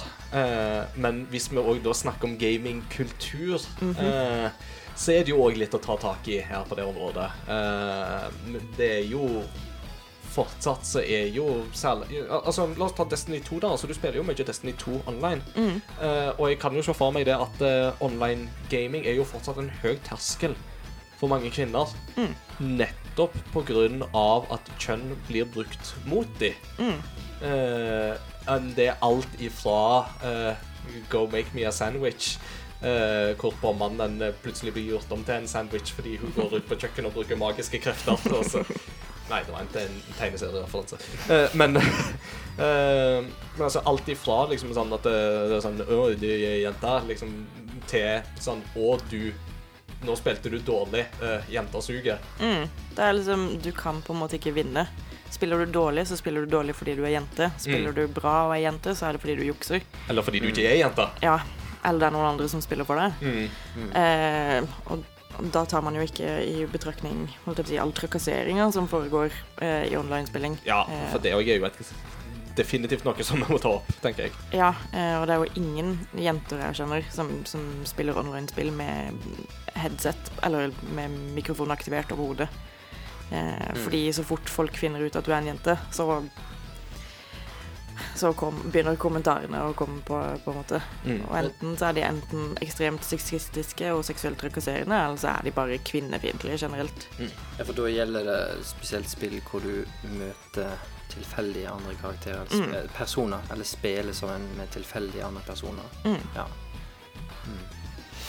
Men er det Har, har en, en opplevd en positiv utvikling innenfor det her, eller er det liksom like galt i dag som det var for fem år siden, seks år siden?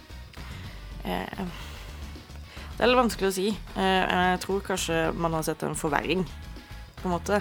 Eh, Fordi internettkulturen generelt har blitt mer eh, giftig, om man kan kalle det. Mm. Eh, og folk føler at de kan slippe unna med mer. Mm. måte, for fem-ti år siden så var det ikke like vanlig å drive og snakke med folk på internett, f.eks., og det var ikke Ja. Da var det mer gøy hvis det dukka opp jenter, Mm.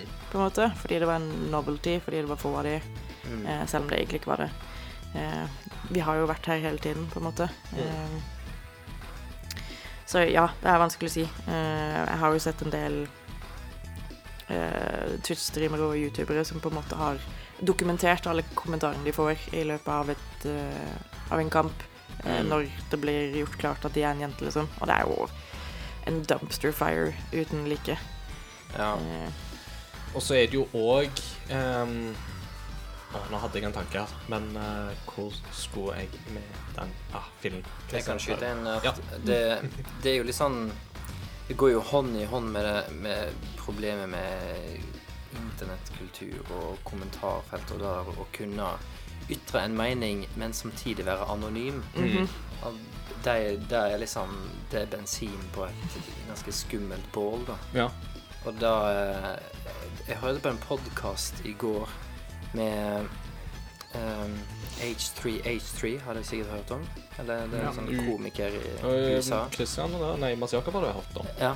Og han, eh, han hadde fått en e-post da av en eller annen lytter. For han, han hadde liksom For det var en eller annen mening han var totalt uenig i. Og så tar jo den e-posten her helt av. Og så blir det liksom det er drapstrusler og masse forskjellig. Og så masse om kona hans, da. For han er gift, og kona er ofte med i podkastene. Mm. Eh, og det tar helt av. da Så han bare Svaret hans var at han liksom bare klippet ut hele mailen og la han i sin Twitter-konto. Og rett etterpå så blir jo han her som tydeligvis da var en, en 16 år gammel gutt fra India, tror jeg. Så blir han, da blir han plutselig livredd, og så legger han seg flat med en gang. For da at nå Han blir liksom konfrontert med i, i en annen arena og med, liksom, med sitt brukernavn, som noen vet liksom da hvem det er, ikke sant? For de kjenner han kanskje. Og så bare Når det da var liksom hint av at liksom man kunne bli røpt om at det var han som liksom mente det og hadde sagt det her, så var han livredd. Så mm. altså Kan det av og til henge litt sammen med den der eh, med, en- med en sånn gj- gjengete, en litt sånn mobbete kultur òg. Og da liksom Da å liksom eh, slenge seg på et eller annet som er litt sånn eh, jeg, jeg vet ikke, det blir, det blir vanskelig å forklare det, men, men det som skjer med folk når folk mobber, da, Mm. så er det jo ofte en som blir mobba, og så er det ofte en gjeng eller flere personer. Så er det jo et eller annet som skjer i psyken til disse her. Det er ikke alltid de skjønner at de holder på å terge, eller at de holder på å mobbe, men det er det her Og det er så lett å liksom bare kaste seg på, Mm. eller være med. Eh, og spesielt hvis du kan gjøre det anonymt uten at noen ser at det er deg, så er det jo Ja. Jeg skjønner det litt liksom Ja, altså folk har jo en tendens til å søke fellesskap, og er man f.eks. ensom i det vanlige liv har få venner, så søker man fellesskap der man kan finne det. mm. Eh, og hvis det fellesskapet går ut på å mobbe og angripe andre, så er de litt sånn Ja ja, men da er det, fellesskap. ja, da Ja. er det det vi gjør, men vi gjør det sammen. Mm. Eh, og det er, er nok i stor grad også noe av forklaringa på f.eks. Gamergate. da. Mm. Ja. ja. Eller hvor fremskreden alt-right-folk har blitt, og nynazisme på- i det siste, på en måte. Ja, og ikke Mm. bare det, men òg blir på en måte legitimert eller, av samfunnstopper.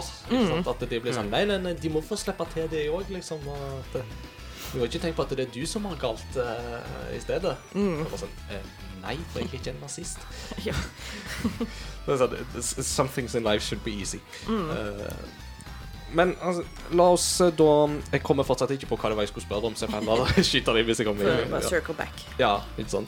Men la oss stille et spørsmål direkte til deg, da, Susanne. Um, hvordan oppleves det å være kvinnelig gamer i dag sammenligna med fem eller ti år siden? Altså, Vi har jo vært litt inne på det, men altså Hva har endra seg til det bedre? Hva har endra seg til det verre?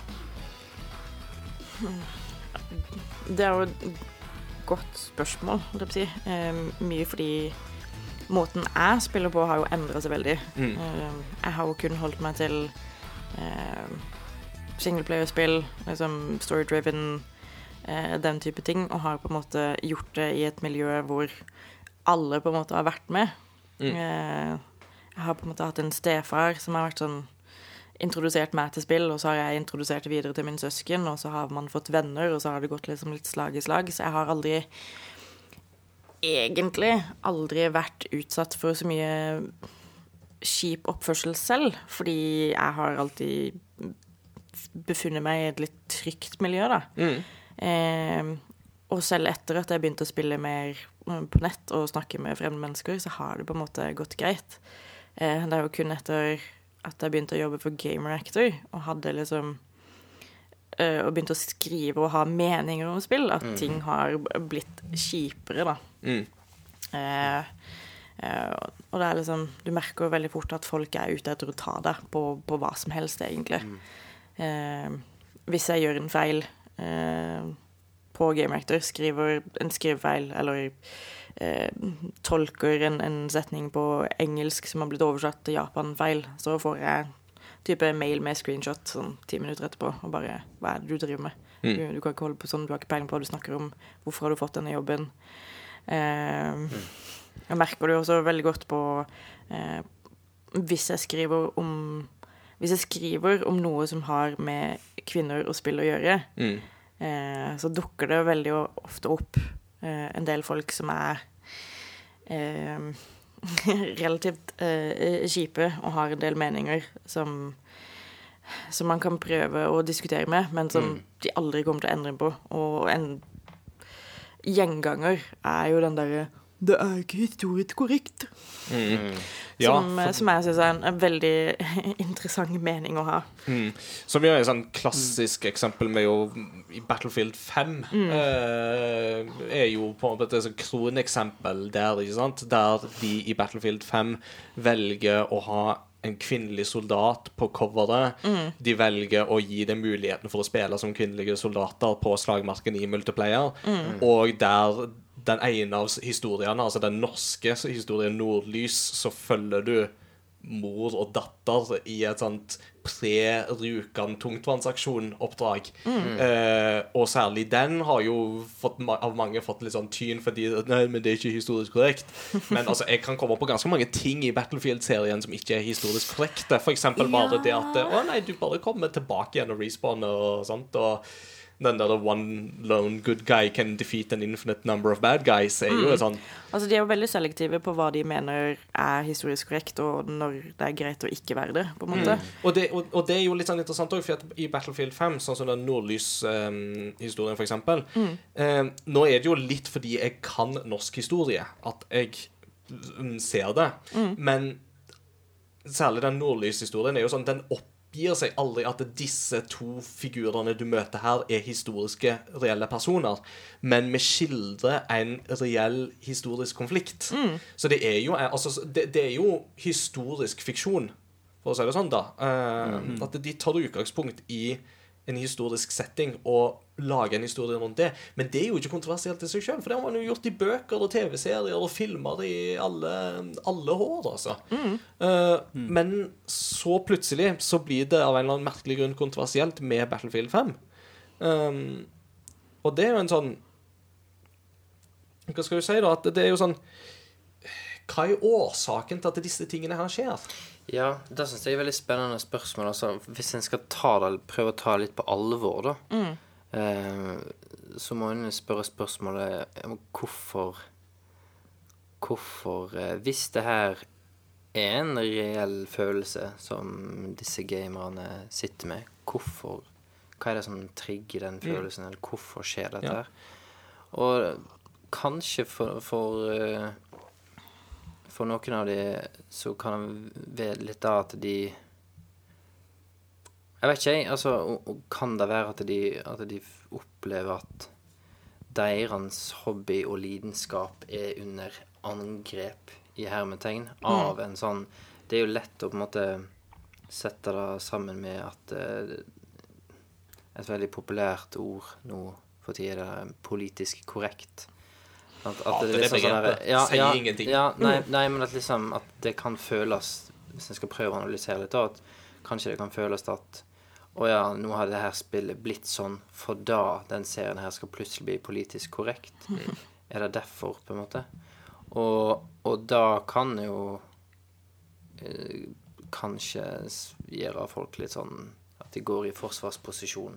Og når de skal prøve å forklare det, så blir svaret nei, men det er historisk ukorrekt og bla, bla, bla. Jeg, jeg vet ikke, jeg nå prøver jeg å analysere det her litt, grann, Ja. men eh, Men det er jo litt sånn interessant likevel, da, fordi at eh, i mange sånne tilfeller, for eksempel, så handler det jo om å styrke mangfoldet. Og altså, er det jo én ting jeg er veldig opptatt av, så er det jo det at gaming er for alle. Spill er et fantastisk medium. Det er vi alle enige om. Fordi det når så på kryss og tvers av nasjonaliteter, av bakgrunner, av kjønn, av religiøs tilknytning eller mangel på sådan, av Altså Det er så mange som kan knytte seg til en eller annen form for spill og få noe ut av det. Enten det er en puzzle gamer som Tetris, eller det er et, eh, en shooter som Battlefield 5. Og da skulle man jo tro det at det å lage spill som representerer det mangfoldet, og som kan appellere til mange, blir Altså er ekstra viktig.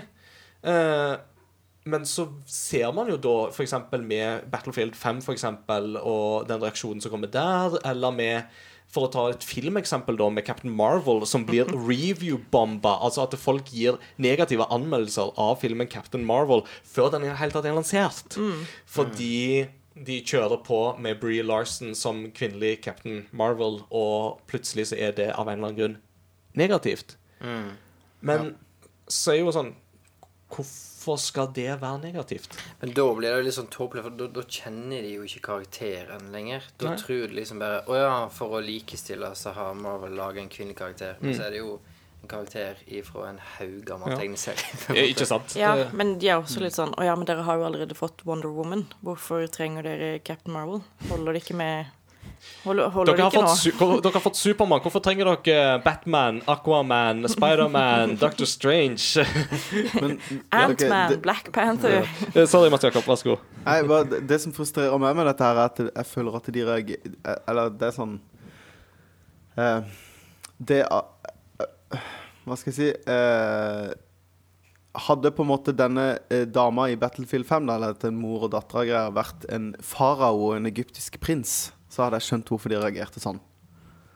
Eh, men når de Ja, reagerer I Battlefield 5, liksom? Eller bare skjønner ja, ja, ja, ja, ja, i Battlefield 5. Altså, jeg føler at, jeg føler at de, de reagerer som om at dette er sånn Dette har ingen plass her å gjøre.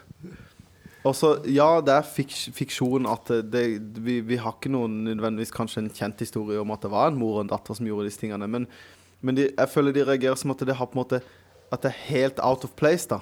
Ja, altså, mye, mye av kritikken mot ting som ikke er holdt på å si, historisk korrekt, eller grunnen til at de sier det, er jo fordi de mener at vi ikke bare kan drive og skrive om historien sånn at den passer våre social justice warrior-idealer, og at mm. verdenshistorien, den er skrevet i stein.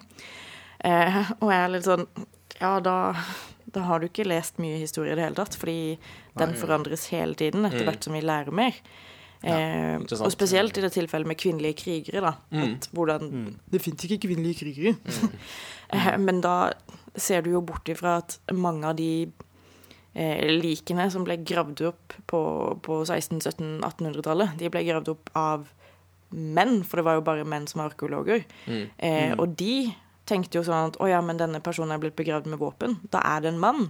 Og så gjorde de ikke noe mer undersøkelse enn det. Og de hadde jo heller ikke utstyret til å kunne bestemme at dette er en mann eller dette er en kvinne. Så mange av de, de mannlige krigerlikene som har blitt gravd opp, er jo eh, En god del av de er jo faktisk kvinner.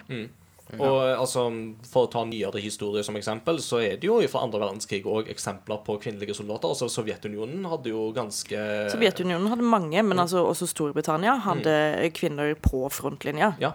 eh, som opererte også bak kvinnens linjer. Mm. Eh, de hadde ikke nødvendigvis en, en mekanisk eh, protese, liksom, Nei, nei, nei, nei. og, og herja rundt på, på slagmarken per se, men de var der. Ja, og altså, med, med det sagt, så av det jeg har spilt av Battlefield 5, så har jeg ikke sett noe til mekaniske proteser, så jeg har liksom aldri helt skjønt hvordan det kom inn i den diskusjonen.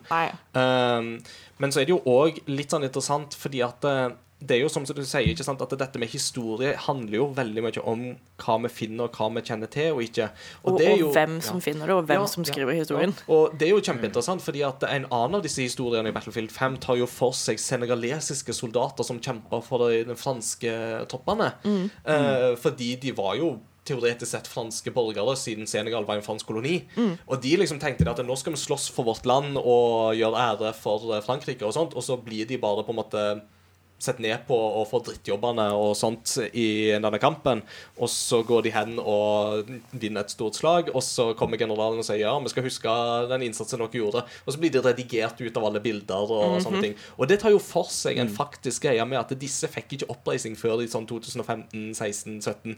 Ganske seint så fikk de gjenlevende soldatene der. Da fikk de endelig anerkjennelsen av eh, Jeg tror det var Francois det. Eh, og det, det er jo klart at det, hva vi tar med oss, hva vi husker og hva ikke, det er jo kjempevariabelt. Ja, altså en av mine favoritteksempler på, på en historie som blir tatt for gitt, på en måte, men som ikke nødvendigvis stemmer, som har blitt endra i ettertid fordi man har lært nye ting, er jo Vincent van Er det Goff? Gogh. Ja. Gorr. Gård. Ja. Vincent. på Gode, gamle Vinni. Gode, gamle Vinnie. Ja, ja, som- Jones. Ja, ja. eh, som som alle, alle har jo hørt historien om hvordan han kutta av seg øret fordi han var gal av kjærlighetssorg og, og sendte det til hoveddama Eh, Oh, wacko. Yes. Eh, det de ikke vet, er jo at det var jo ikke sånn det skjedde i det hele tatt. Nei. I 2009 så kom det jo frem at eh, Vinni eh, mista øret sitt i en duell med Paul eh, Gauguin. Cézanne? Nei, Gauguin. Gauguin, ja. Ja. Eh, fordi de drev og fekta, og så greide Gauguin å kutte øret til, eh, til eh, Vinni. Eh, og så ble de enige om at uh, dette skulle de ikke si noe om, for det var litt flaut, og de burde jo egentlig ikke drevet og duellert sånn til å begynne med. Eh, og så ble de enige om at de ikke skulle si noe om det. Men fordi Vinni og Paul var eh, konkurrenter, så fabrikkerte Paul denne historien om hvordan eh, Vinni var crazy og bare kutta av seg øret fordi han var gal av kjærlighetssorg. eh, for å liksom skape mer blest rundt seg selv som kunstner og kunne selge mer av sine egne bilder.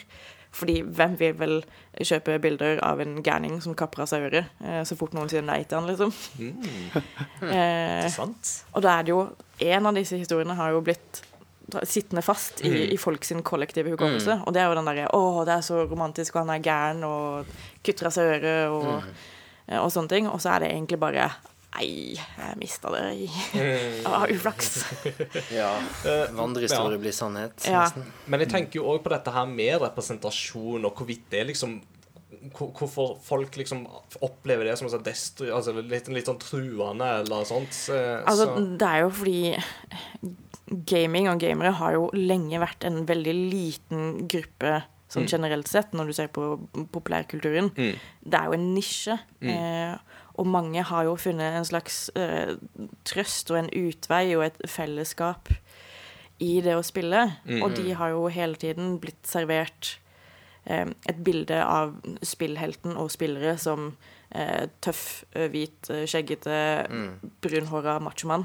Skalla machomann, må vite. Ja, han kan også være skalla. Eventuelt blond, hvis han heter BJ Blazkowicz. BJ! Yes. Um, Great også, Historisk korrekt. ja. Veldig historisk korrekt. Speaking of which Eh, og så blir man veldig knytta til dette bildet. Eh, og den, det at man identifiserer seg selv som gamer, og så får man det inntrykket at alle som gamer er, spiller, er som meg. Eh, og når det da plutselig begynner å dukke opp nye typer spillere som, som liker nye typer ting, og så dukker det opp nye typer spillhelter, så får man en følelse av at safe spacet sitt har blitt invadert, og man er redd for å miste noe man holder veldig kjært. Eh, men dette er jo folk som eh, Som tenker at fordi det blir mer mangfold, så kommer jeg til å bli skvisa ut. Men da har de jo misforstått hele konseptet med mangfold. Fordi i det ordet så ligger det jo det at man, man vil ha med alt, Ja. på en måte. Ja. Og at det flere blir med, og at flere kan kjenne seg igjen, ikke minst, og knytte en tilknytning til det. Um, I den forbindelse så har jeg jo litt lyst til å ta en liten sånn digresjon. Um, men altså Jeg så nylig ferdig Daredevil sesong tre på Netflix. Lå litt uh, bak i løypa. Um, og det blir jo et lite sidespor her, fordi at eh, da, altså Daredevil som rollefigur og Matt Murdoch som rollefigur har jo en veldig sterk katolsk tilknytning. ikke sant? Og religion er jo noe man den vi skal, altså Religion velger du, kjønn velger du ikke. Mm. Iallfall ikke biologisk kjønn. eller vi, vi kan diskutere litt det fram og tilbake, og sånt, men altså uh, Til en viss grad i alle fall, så Man har liksom man hadde det kjønnet man har blitt født med. Mm. sånn. Ja, en lang Eh, diskusjon. Ja, lang diskusjon der. Jeg skal ikke Sorry hvis jeg tråkker noen på tærne og sånt der. Det, det er ikke meninga. Eh, men jeg tror dere skjønner hvor jeg vil hen. Eh, religi- religion er i alle fall til en syvende og sist grad noe du velger litt sjøl. men det slo meg jo da jeg så Daredevil sesong tre. Der har denne her katolske tilknytninga til Matt Murdoch har veldig mye å si. Eh, og da særlig med på en måte dette med at han er Altså, det er en tvilskamp, og det er veldig mye, holdt jeg på å si. Eh, ja, altså Det er jo veldig mye en dynamikk der mellom han og hans forhold til Gud og hans forhold til på en måte hans katolske identitet. da. Og jeg kjente jo det at det for meg som en kristen geek så er det noe jeg ser altfor sjelden av, og det er jo noe jeg på en måte har etterlyst. ikke sant? Altså det er jo, altså Hvor er den representasjonen av på en måte en en religiøs eller en kristen rollefigur som oppleves troverdig, som ikke bare er en eller annen religiøs fanatiker eller en eh, eh, fundamentalist eller en eh, seksdagers kreasjonist fra Kentucky eh, som eh, mener at alle vitenskap er Satans verk. Liksom. Det er sånn Ingen av de der kan jeg på en måte kjenne meg, kjenne meg igjen i, men i den Matt Murdoch-rollefiguren vi møter i Daredevil sesong 3, så finner jeg plutselig noe som sånn Dette opplever jeg som både realistisk og troverdig, og det gjør det universet rikere for meg. Eh, samtidig som at jeg tror at ateister og folk som ikke har en religiøs tilknytning i det hele tatt, ikke vil se på Daredevil sesong 3 nødvendigvis noe mindreverdig av den grunn. For den er kjempebra skrevet. Det er en utrolig bra character-dreven sesong. Det er utrolig mye spennende som skjer i den sesongen. Eh, og da har jo ikke Marvel Cinematic Universe har jo ikke blitt trua under noen omstendighet av at de bruker litt tid på å reflektere ved den sida ved Daredevil som er en naturlig del av han som figur. Um, og samtidig som at uh, igjen, med det mangfoldsinnslaget, så blir det plutselig lettere for andre å plukke opp den, den serien, kanskje, og bli på en måte kjent med det universet. Ja, jeg, mm. ak akkurat det der med eh, Det som vi snakker om nå, eh, den, det med å være kvinne i liksom Både kvinne i dataspill, men òg liksom det å være kvinne i liksom gaming um, kulturen kan jo òg, sånn som du er inne på nå, da, overføres til andre andre grupper. For eksempel kristne, da.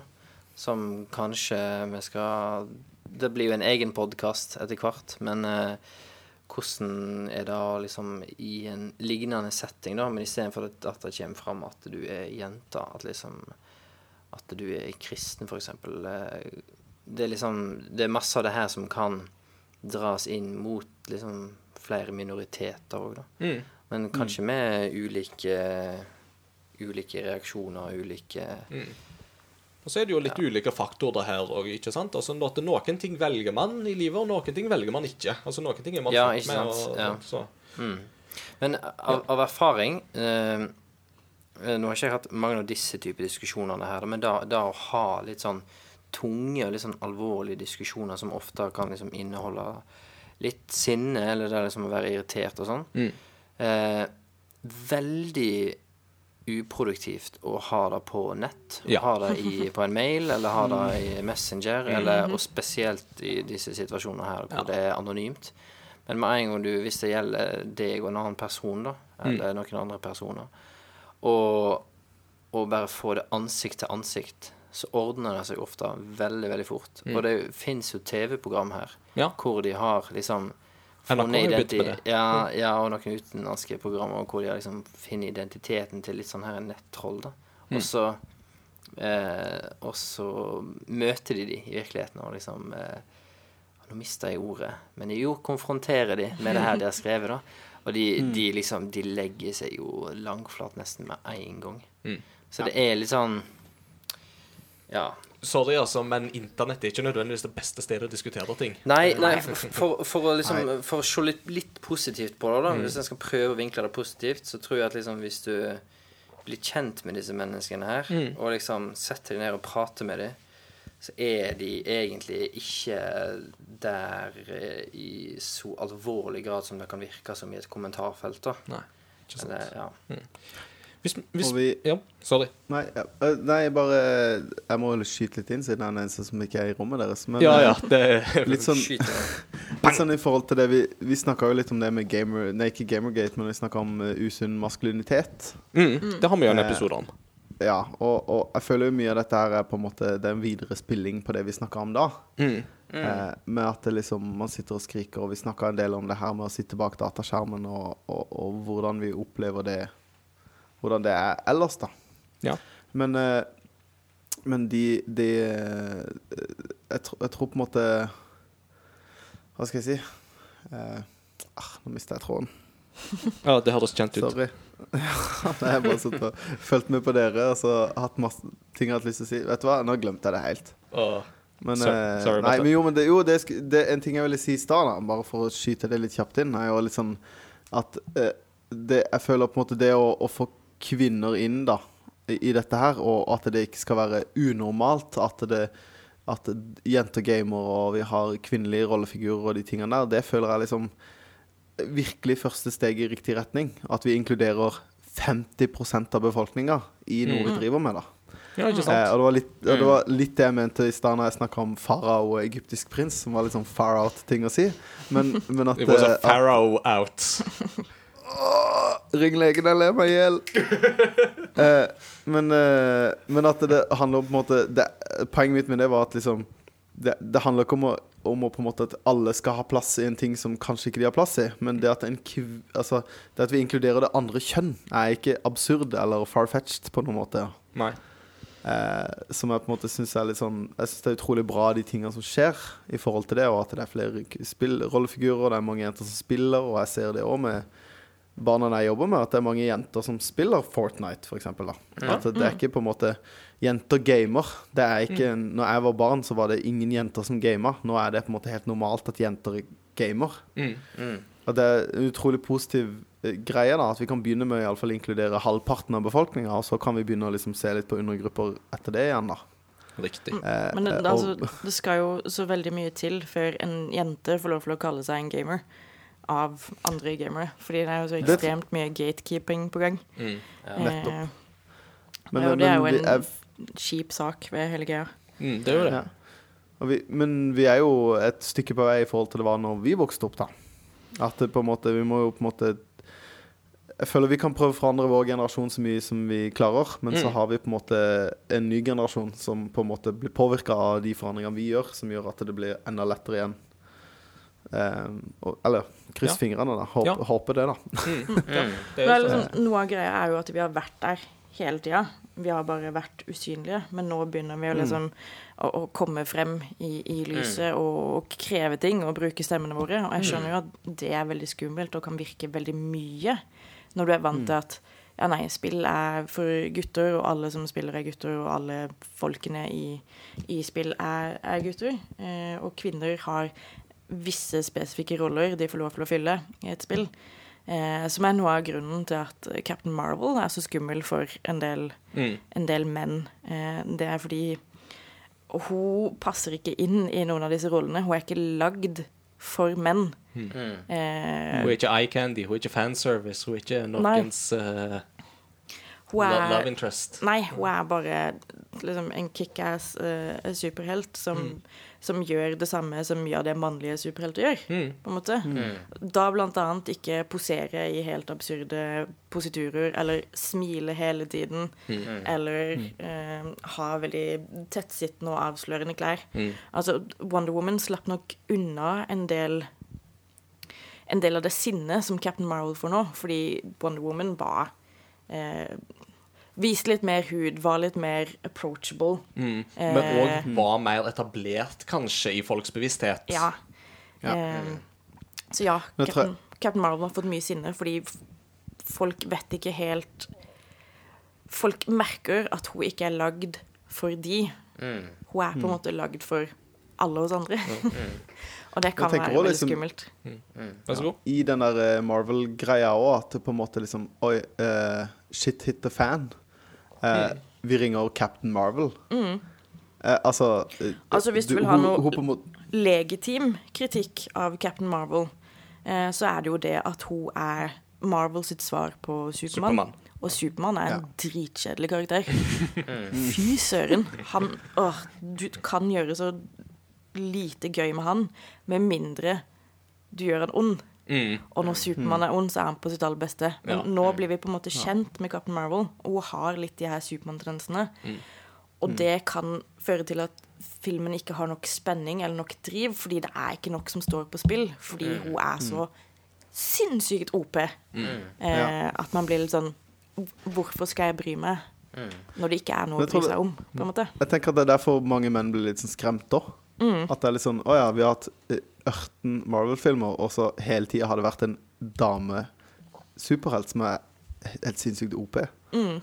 Og da blir det litt sånn Oi, shit, hun kommer nå. Å ja, hun er bedre enn alle de her Hun er til og med bedre enn Hulken, som er liksom toxic masculinity in a bottle. Eh, på en måte. Ikke sant. Hvis vi nå tenker oss med hvordan kvinnelige rollefigurer blir framstilt i spill i dag sammenlignet med tidligere, hva er det vi ser nå? Sammenlignet med tidligere. Vi har jo snakket om Apex Legends, har vi jo vært inne på. ikke sant? Altså, Der har du plutselig svarte kvinnelige rollefigurer som jo ble, har vært etterlyst i Overwatch i alle herrens år. Nei, altså, Det har jo blitt gjort forskning på det, og det har jo blitt vist at det har vært en, en, en eh, At kvinnelige rollefigurer i spill da blir jo stadig mindre seksualiserte. Mm. Du får jo stadig færre av disse absurde, overdimensjonerte proporsjonene. Mm. Eh, og det beste eksempelet er jo Lara Croft. Ja. Altså Den transformasjonen hun har gått gjennom, er kjempebra. Mm. Og den er så beskrivende for, for hva spillbransjen har gått gjennom i løpet av de årene hun har, hun har vært med, og hun har jo vært med en stund. Mm. Eh, Men du kan jo også se det på f.eks. Um, Jade i Mortal Kombat. Mm. Eh, som har gått fra å være veldig skimpy kledd lik til å nå være mer eh, tildekka og liksom ha et kult design. Ja. Som også har gjort veldig mange sinte, fordi nå er de ikke seksuelt tiltrukket av henne lenger.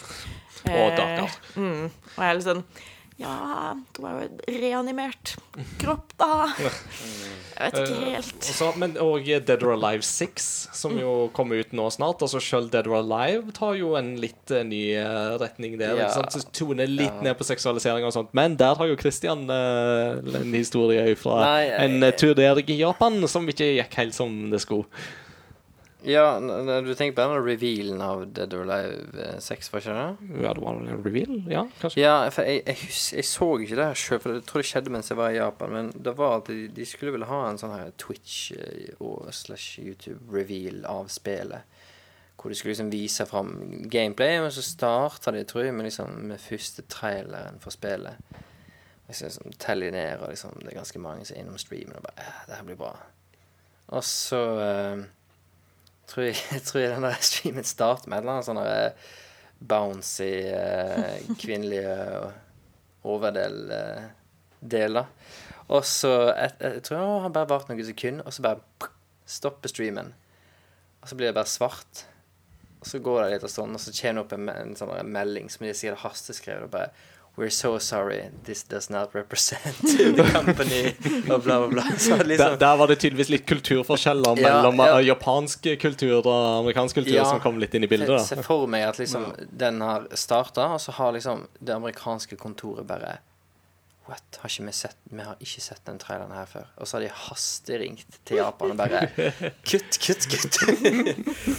Det her uh, ja, men, det er det, men det er jo godt å se likevel at Dead or Alive 6 tar nok virker jo likevel til å ta en steg i riktig retning, i motsetning til sin eh, volleyballsøsterserie. Som bare er eksempler på alt som kan gå galt i på en måte den sjangeren eh, der. Ikke Ja. sant?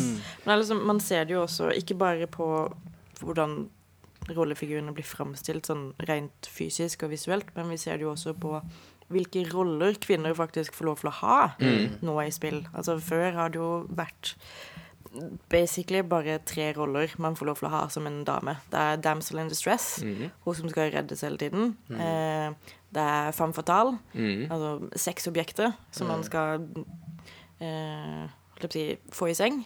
Og så er det til nøds eh, tough. Tough woman. Mm. Strong woman, liksom. Og det er de tre Mm. rollene med litt sånn eh, Sprinkla inni der så finner du også kvinner er bare eh, motiv for menn. Mm. Altså, du har en kvinne med i historien, men hun blir som regel eh, kidnappa, drept eller eh, voldtatt på et tidlig tidspunkt, og så handler resten av historien om at mannen skal hevne, hevne dette, eller så er det en død mor, eller så er det et eller annet eh, hvor, hvor kvinner bare er liksom grunnlag for mannens agenda. Men nå ser vi jo at eh, vi får lov til å ha så veldig mye eh, flere og mer varierte og mer nyanserte roller. Man kan være alle tre rollene på en gang. Man kan være damsel in stress og femme fatale og strong woman i en og samme. Man får lov til å være både sterk og sårbar, eh, sånn som Lara Croft er i, i de nyere spillene. Og du får roller sånn som Senua i Senua Sacrifice, Mm. som er en, en absurd bra rolle. Det er en fantastisk eh, story i det spillet. Og en fantastisk årlig fyr og en fantastisk tematikk, ikke minst. Og Hellblade kommer jo nå på Switch, så de som ikke Ja. har plukka det opp ennå, må sjekke det ut. altså Og Og det må liksom- spilles med headset. Og så får du jo så klart disse vennskapsforholdene i Life is Strange, for eksempel, Mm. som også er en sånn greie man vanligvis ikke ser i, Mm. i spill. Ja. Og litt sånn interessant også, det du nevner med liksom både sterk og svak. ikke sant? Altså, det er jo, Jeg spiller jo masse Overwatch, og der har du jo for eksempel Altså, Diva er jo en av disse karakterene. Når hun fikk sin video, ikke sant, så er jo Diva er jo som navnet til seg, hun er en diva. Altså, Hun er jo en koreansk eh, gamer basically som kjører rundt i en mekka ikke sant? og lever liksom det der asiatiske idollivet. Og det er jo klart at i Japan, i Sør-Korea, så er jo idols det er jo en big greie. ikke sant? Og det er liksom putting them on a pedestal. Men samtidig så får du jo òg dette her med at hun er på en måte i krig. Hun er posttraumatisert av krigen, og sånt, og at dette er på en måte faktisk ting som hun går med midt oppi hele greiene. Jeg syns ofte det kan virke som um, de gangene hvor um, kvinnelige karakterer i spill ikke får hets, ikke sånn overflod med hets i hvert fall, eh, er ganger det er nye karakterer Mm. skapt i et nytt univers, og ikke det er en, en drastisk omdesigna kvinnelig karakter. Mm. eller at, at de er den kvinnelige karakter til et eksisterende univers. Sånn som for eksempel Hellblade. Ja. Eller Og, Eller Aloy fra ja, Horizon Zero Dawn. Dawn. Eh, at, at du Det virker som da aksepterer akseptere Det blir mer eh, allmenn akseptert, da, av en eller annen grunn. Men det er sikkert igjen den der at en føler at sitt eh, Sin hobby eller sin eh, Noe en føler eierskap til, er under angrep igjen. At det er den der, da. Men hvis det liksom kommer et nytt produkt, på en måte, så er ikke det den samme reaksjonen, kanskje. Kanskje. Jeg Jeg føler i hvert fall at Ja, du- det, det er et mønster. Ja, det, det er jo ingen som er spesielt glad i endringer og forandringer fordi det er skummelt, på en måte. Men når det bare er liksom noe som er nytt, så er det jo mye lettere å forholde seg til det. For da kan man også være litt sånn Ja, ja, men dette er ikke noe som har noe med meg å gjøre sånn egentlig, fordi dette er ikke et spill jeg trenger å spille. Nei. Ja.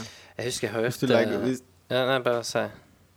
jeg, jeg skal bare si at hvis det er du som Hvis på en måte det er lagt nye prinsipper for det som skjer, da, så er det jo på en måte mye lettere å akseptere. Her er prinsippene, dette er en dame i hovedrollen. OK. Mm. Mens hvis du på en måte går inn og plutselig hadde sagt at uh, hovedpersonen i Mario er en dame, så hadde jo folk blitt sånn OK, hvorfor det? Mens Ja. når det kommer et nytt spill, så, så er jo det noe helt annet. Og Det blir jo interessant å se om um, Zelda-serien noen gang tar det skrittet hen til at det plutselig så blir det Hero of Time reinkarnert som en kvinne. Eh, håper hvordan vil reaksjonene da bli?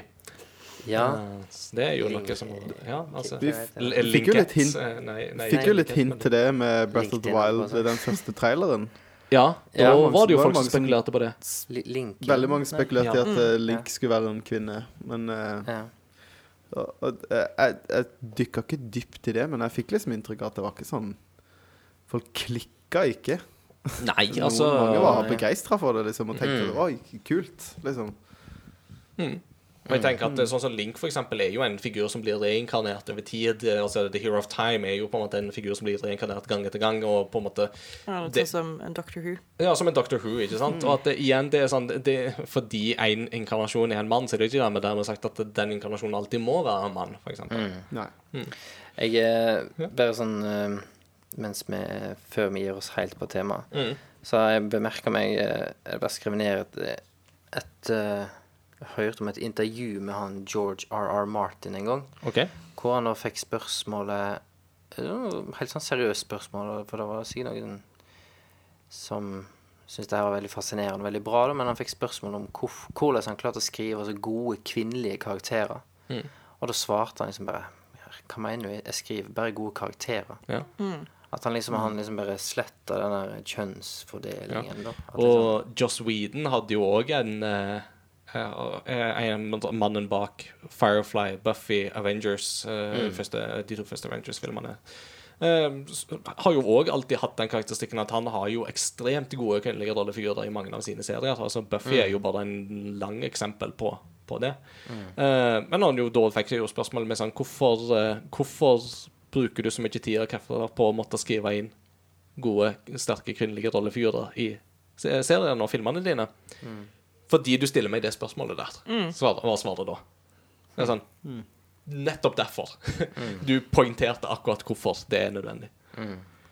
Um, helt til slutt, eh, som spørsmål Hva kan en gjøre for å fremme en spillkultur der alle, uavhengig av kjønn, kan føle seg mer inkludert og velkomne? Eh, hva, hva skal på en måte til herifra og veien videre?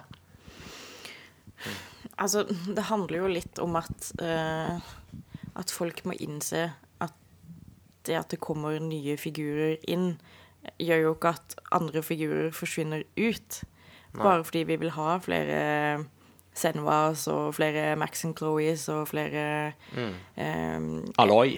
Alloy, Alloys og sånne ting, så betyr det jo ikke at vi ikke vil ha Marcus Phoenix eller BJ Blazkowicz eller, eller Doom Guy eller trenger ikke gå på bekostning av det en allerede har. Nei, det er bare dere får mer.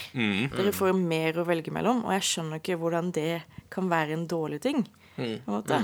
For det første så kommer det til å, å puste litt uh, frisk liv inn i historier som kanskje har vært litt uh, Blitt litt treige og oppbrukte etter hvert, fordi man får inn nye perspektiver og nye måter å fortelle ting på. Eh, samtidig som man kan utforske nye temaer. Eh, og hendelser, eksempel. Eh, så det er jo Det er jo bare det at du får flere valgmuligheter. Du, får, du får ikke færre valgmuligheter. Det er jo akkurat som likestillingsdebatten. Altså, menn får jo ikke færre rettigheter fordi kvinner får flere rettigheter. Det er ikke sånn det funker. Vi kommer ikke inn og tar noen av deres rettigheter og så gir de til oss selv. Det er liksom, vi vil bare ha det samme som dere. Eh, og jeg, jeg syns ikke det er så mye å be om, sånn egentlig. eh, men hvordan man skal greie å fremme det, det det, det er vanskelig å, å si. Man må jo egentlig bare stå på og fortsette å heve stemmen sin i, i mangfoldets navn helt til det ikke ikke er en greie lenger. Mm. Og jeg tenker jo òg det at eh, å heve stemmen betyr jo ikke nødvendigvis at vi skal være fordi de er slemme mot oss, så skal vi være slemme tilbake. Det betyr det jo ikke. Men at en på en måte samtidig òg anerkjenner at vi er her, og vi, vi lar oss ikke trua til taushet. er jo viktig. Men så tenker jeg jo også sånn som det som Mats Jakob var inne på, ikke sant? med at eh, Fortnite er jo en veldig blitt Altså at, eh, at Fortnite er en så allmenn akseptert greie at hvem som helst kan spille det. Ikke sant? Bare noen ganger så skjer disse tingene nesten av seg sjøl. Altså, var ingen som så for seg at Fortnite skulle bli ei greie. eh, Og at det skulle bli så stort som det har blitt. Ikke sant? Og likevel så har det, har det blitt det. Um, og plutselig så er det bare en sånn Da er det viktigste Spiller du Fortnite? Da er det ikke Er du gutt og spiller Fortnite? Ja, jeg tror nok ting kommer til å gå seg til litt sånn av seg selv etter hvert i, i nyere generasjoner. Fordi mest sannsynlig så kommer vi til å få mer spill inn i skolen. Hvor det blir en, en naturlig del av daglivet, og det blir naturlig for alle å gjøre det. Eh, og det er jo bare en, en veldig liten gruppe som på en måte henger igjen i et litt sånn gammeldags uh, livssyn, eller hva man skal kalle det. Ja. Jeg tror en, en veldig viktig ting er jo bare det som skjer rundt det bordet her nå, og i Kristiansand etter moment, er å liksom å bli bevisste på det og tørre å prate om det. Er allerede veldig mange steg i riktig retning, for har du det, så får du en naturlig utvikling. For da får du i gang en tankeprosess hos folk, sant. Og så en tankeprosess må en av og til være litt tålmodig med, for det kan ta mer enn én samtale og et døgn, men det kan ta lang tid. Men, men det er i gang, på en måte, da. Kan jeg, kan jeg, Ja. Så det, det man kan gjøre sånn rent personlig, og sånn er jo bare å, å fremme holdt jeg på å si, verk eh, lagd av kvinner med kvinner for kvinner, på en måte. Og bare- Uncharted 1, 2 og 3. Ja. Mhm, Amy for Hennig, ja. Ja. Amy Hennig som skrev historien. Det, der er jo kroneksempel. Og bare la eh, eh, kvinner og andre minoriteter, til tross for at kvinner ikke er en minoritet i det hele tatt, men i spillverdenen er vi det, bare Ja. la oss få litt plass, på en måte, Mm. til, til å gjøre, gjøre det vi har lyst, som egentlig bare er å, å få det samme som dere har, på en måte. Mm. Ja. Uten å forringe eh, eh, hobbyen deres eller spillene deres eller noe sånt. Vi Ja. vil, vi vil ha vårt eget, og hvis vi får det, så kommer det bare til å gagne spillverden. Vi kommer til å få flere spill. Eh, Vi kommer til å få flere spillutviklere. Det, ting Og flere kommer til å være interessert i spill, og det blir mer allmenn aksept for spill. spill. -hmm. Ikke sant? Som jo definitivt bør være noe som bør være i alles allmenne interesse. Og jo mer, jo mer mainstream du blir, da, om du vil kalle det eh, jo større eh, Jo større ansvar får jo f.eks. også spillutviklere og utgivere. Jo flere folk som, som interesserer seg for spill, og får med seg hva spillutgivere driver med, eh, jo større ansvar får de overfor sine egne ansatte, f.eks. Ja. Eh, jeg ser på det, Activision og, og Rockstar. Eh, så ja. Eh, det, har jo, det kommer jo bare til å føre gode ting med seg, men det er jo en stor endring. Og det er alltid skummelt. Eh, Ja. Mats Jakob, noe å føye til? Jeg syns dere er så flinke å prate at eh, gir meg en over. Det, det, jeg er enig i det dere sier, og jeg tror at det, Ja, som du sier, bare ingenting å tape på det. det. De som sitter og føler at de taper på dette her, de, de, de får tape, da. ja. Eller sånn Du, ta, du taper At- hvis du har lyst til å ta Eller du taper hvis du Ja, eller tror sånn du taper. bare, hvis, du har, hvis du har bestemt deg for at ikke det er plass for andre, så får du bare i- holde deg for deg sjøl i ditt lille hjørne. Og så eh, Ja, det beriker jo alle, og det beriker eh, bransjen. Og det betyr at jo flere som spiller, jo bedre spill får vi. Ja. På en måte. Jo, jo større butikk er det. Altså, filmer har jo bare blitt bedre og bedre. og bedre, bedre. I begynnelsen så var det jo en minoritet som så på film og gikk på kino. Mens nå er det på en måte alle ser på film, og alle går på kino, og alle ser på serier, og vi forlanger mer, og vi forventer mer, og det, Og vi får mer, mer som er allsidig. bedre. Ikke sant? Ja, det blir bedre. For det, det er dritkjedelig å se på en film som er skrevet av hvite menn for hvite menn. For å si det på en teit måte, da. Ja. Mm. Og det kommer fra en hvit mann i Kristiansand. Og hvis vi ikke hadde sluppet ja, folk til, så hadde vi jo aldri fått uh, Thor Ragnarok, for eksempel. Thor Ragnarok. Som kanskje er en av de beste filmene i hele Marvel-katalogen. Absolutt. Ikke sant? Uh, men ja, det vi vil, er jo bare at uh, figurer i spill skal reflektere det mangfoldet som fins i den virkelige verden. Mm. Altså at det er eh, grovt sett 50 damer, 50 menn, eh, 10 eh, homofile og lesbiske. Og så må vi ha også et par prosenter med liksom non-binaries og, og, og transpersoner, for eksempel. Og at de skal få ordentlige, gode roller, og ikke være en, en trope eller en, en stereotypi eller en, en plot-twist. Ja, ikke sant? Eh, Og en interessant greie når du nevner det med non-binary, så er jo Apex Legends har jo en figur som er non-binary, nemlig Bloodhound. Uh, som jo er en Ut fra dialekter i alle fall så høres han ut som en islending. Det er veldig gøy. I am bloodhunder. You can call me bloodhound. uh, men han er jo non-binary, har, har jo da Respawn bekrefta. Og det som jo er litt sånn trist, er jo at det, det er jo liksom mange som bare sånn har spilt Apex Legends, og så har de spilt som han, og så er de blitt veldig glad i han, og så har de funnet ut det, og så tar de kontakt med Respawn og så bare Du, jeg liker ikke helt at han er non-binary, kan dere ikke endre på det? Og da er det bare sånn Ja, men han er jo fortsatt den samme rollefiguren. Det, det er jo ikke sånn at dere går rundt i spillet og bare sånn Oh, my non-binary My non-binary identity gives me troubles in my heart. det, det, nei, han går jo rundt, han finner spor, og han skyter ting som ser ut som det rører på seg. Det, Den har ikke endra seg. Så kan vi si at uh, Game Rector Nei, Game Rector sier jeg da er det bare jeg som er Game Rector-representanten. nei.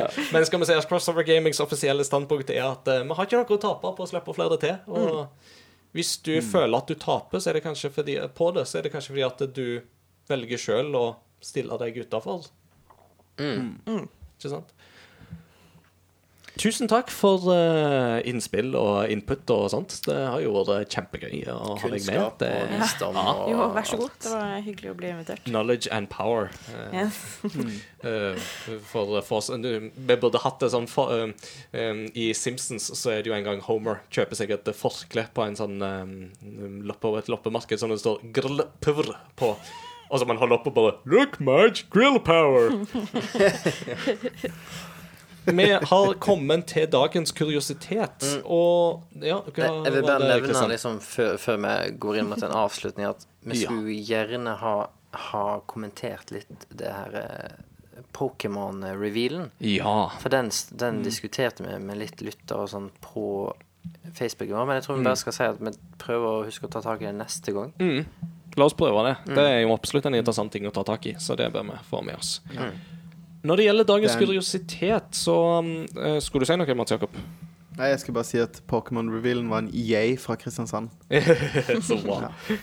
Um, nå har vi ikke avtalt på forhånd hvem som skal ta dagens kuriositet, så jeg prøvde å tenke litt på om vi har noe gøyalt å trekke fram ifra bakhodet. Eh, og jeg kommer på en liten sånn gaming-slash-filmrelatert ting. Ikke så mye med dagens tema å gjøre, men det er nå så. Men vi skal til Star Wars episode 7. um, The Force Awakens. Um, ganske tidlig Den filmen begynner jo på ørkenplaneten Jakku. Der uh, The First Order angriper jo for å få tak i planen Eller få tak i kartet som viser hvor Luke Skywalker er. Og der har uh, Poe Dameron har med seg sin lille fantastiske søte droide BB8, som han gir denne, dette kartet. Og så sier han 'stikk av'. Uh, jeg skal distrahere deg. Du må stikke av. Dette må til The Resistance.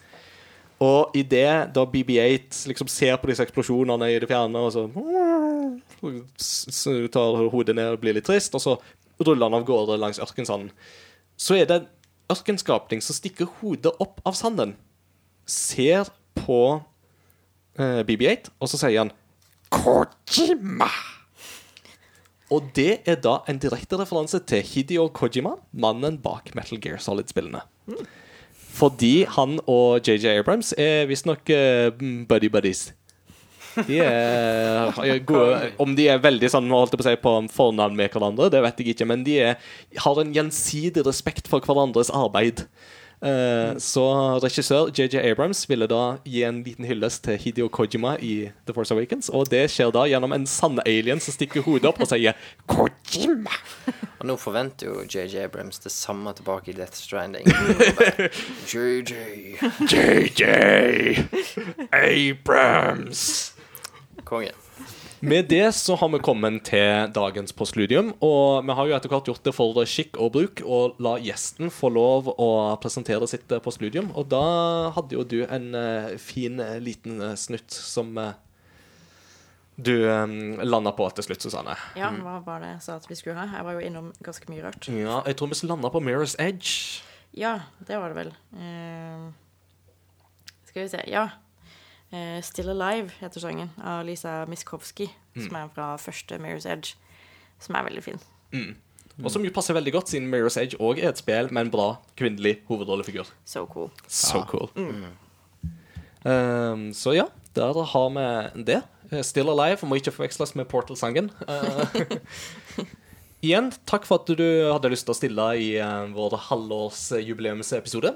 Uh, med det så håper vi at lytterne våre har eh, fått masse gøy. Og, Altså, jeg, jeg tenkte på det spørsmålet her tidligere i dag. Jeg bare skyter det inn. Ok. Og bare, det må jeg jo spørre. Altså, du har jo vært på God morgen Norge, og du har vært i Rad Crew, og nå har du vært i Crossover Gaming. Hvis du skal rangere deg fra best til verst Hvordan ville rangert det? Fisker etter komplimenter. Ja, nei, jeg vil, jo, jeg vil jo si at denne opplevelsen er best. Fordi Yes. jeg får lov til å snakke om noe jeg er veldig engasjert i. Eh, God morgen, Norge er kanskje på sisteplass, fordi da var jeg så nervøs at jeg bare hadde lyst til å si. Den ser jeg.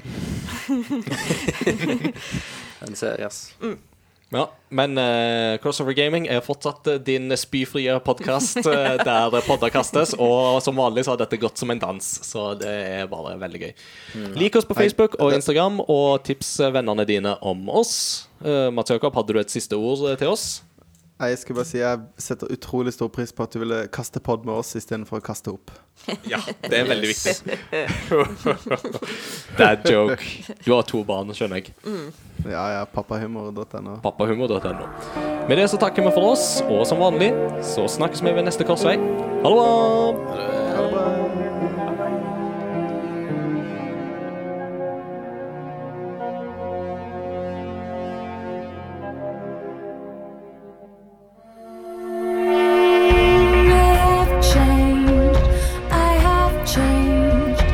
Just like you, just like you.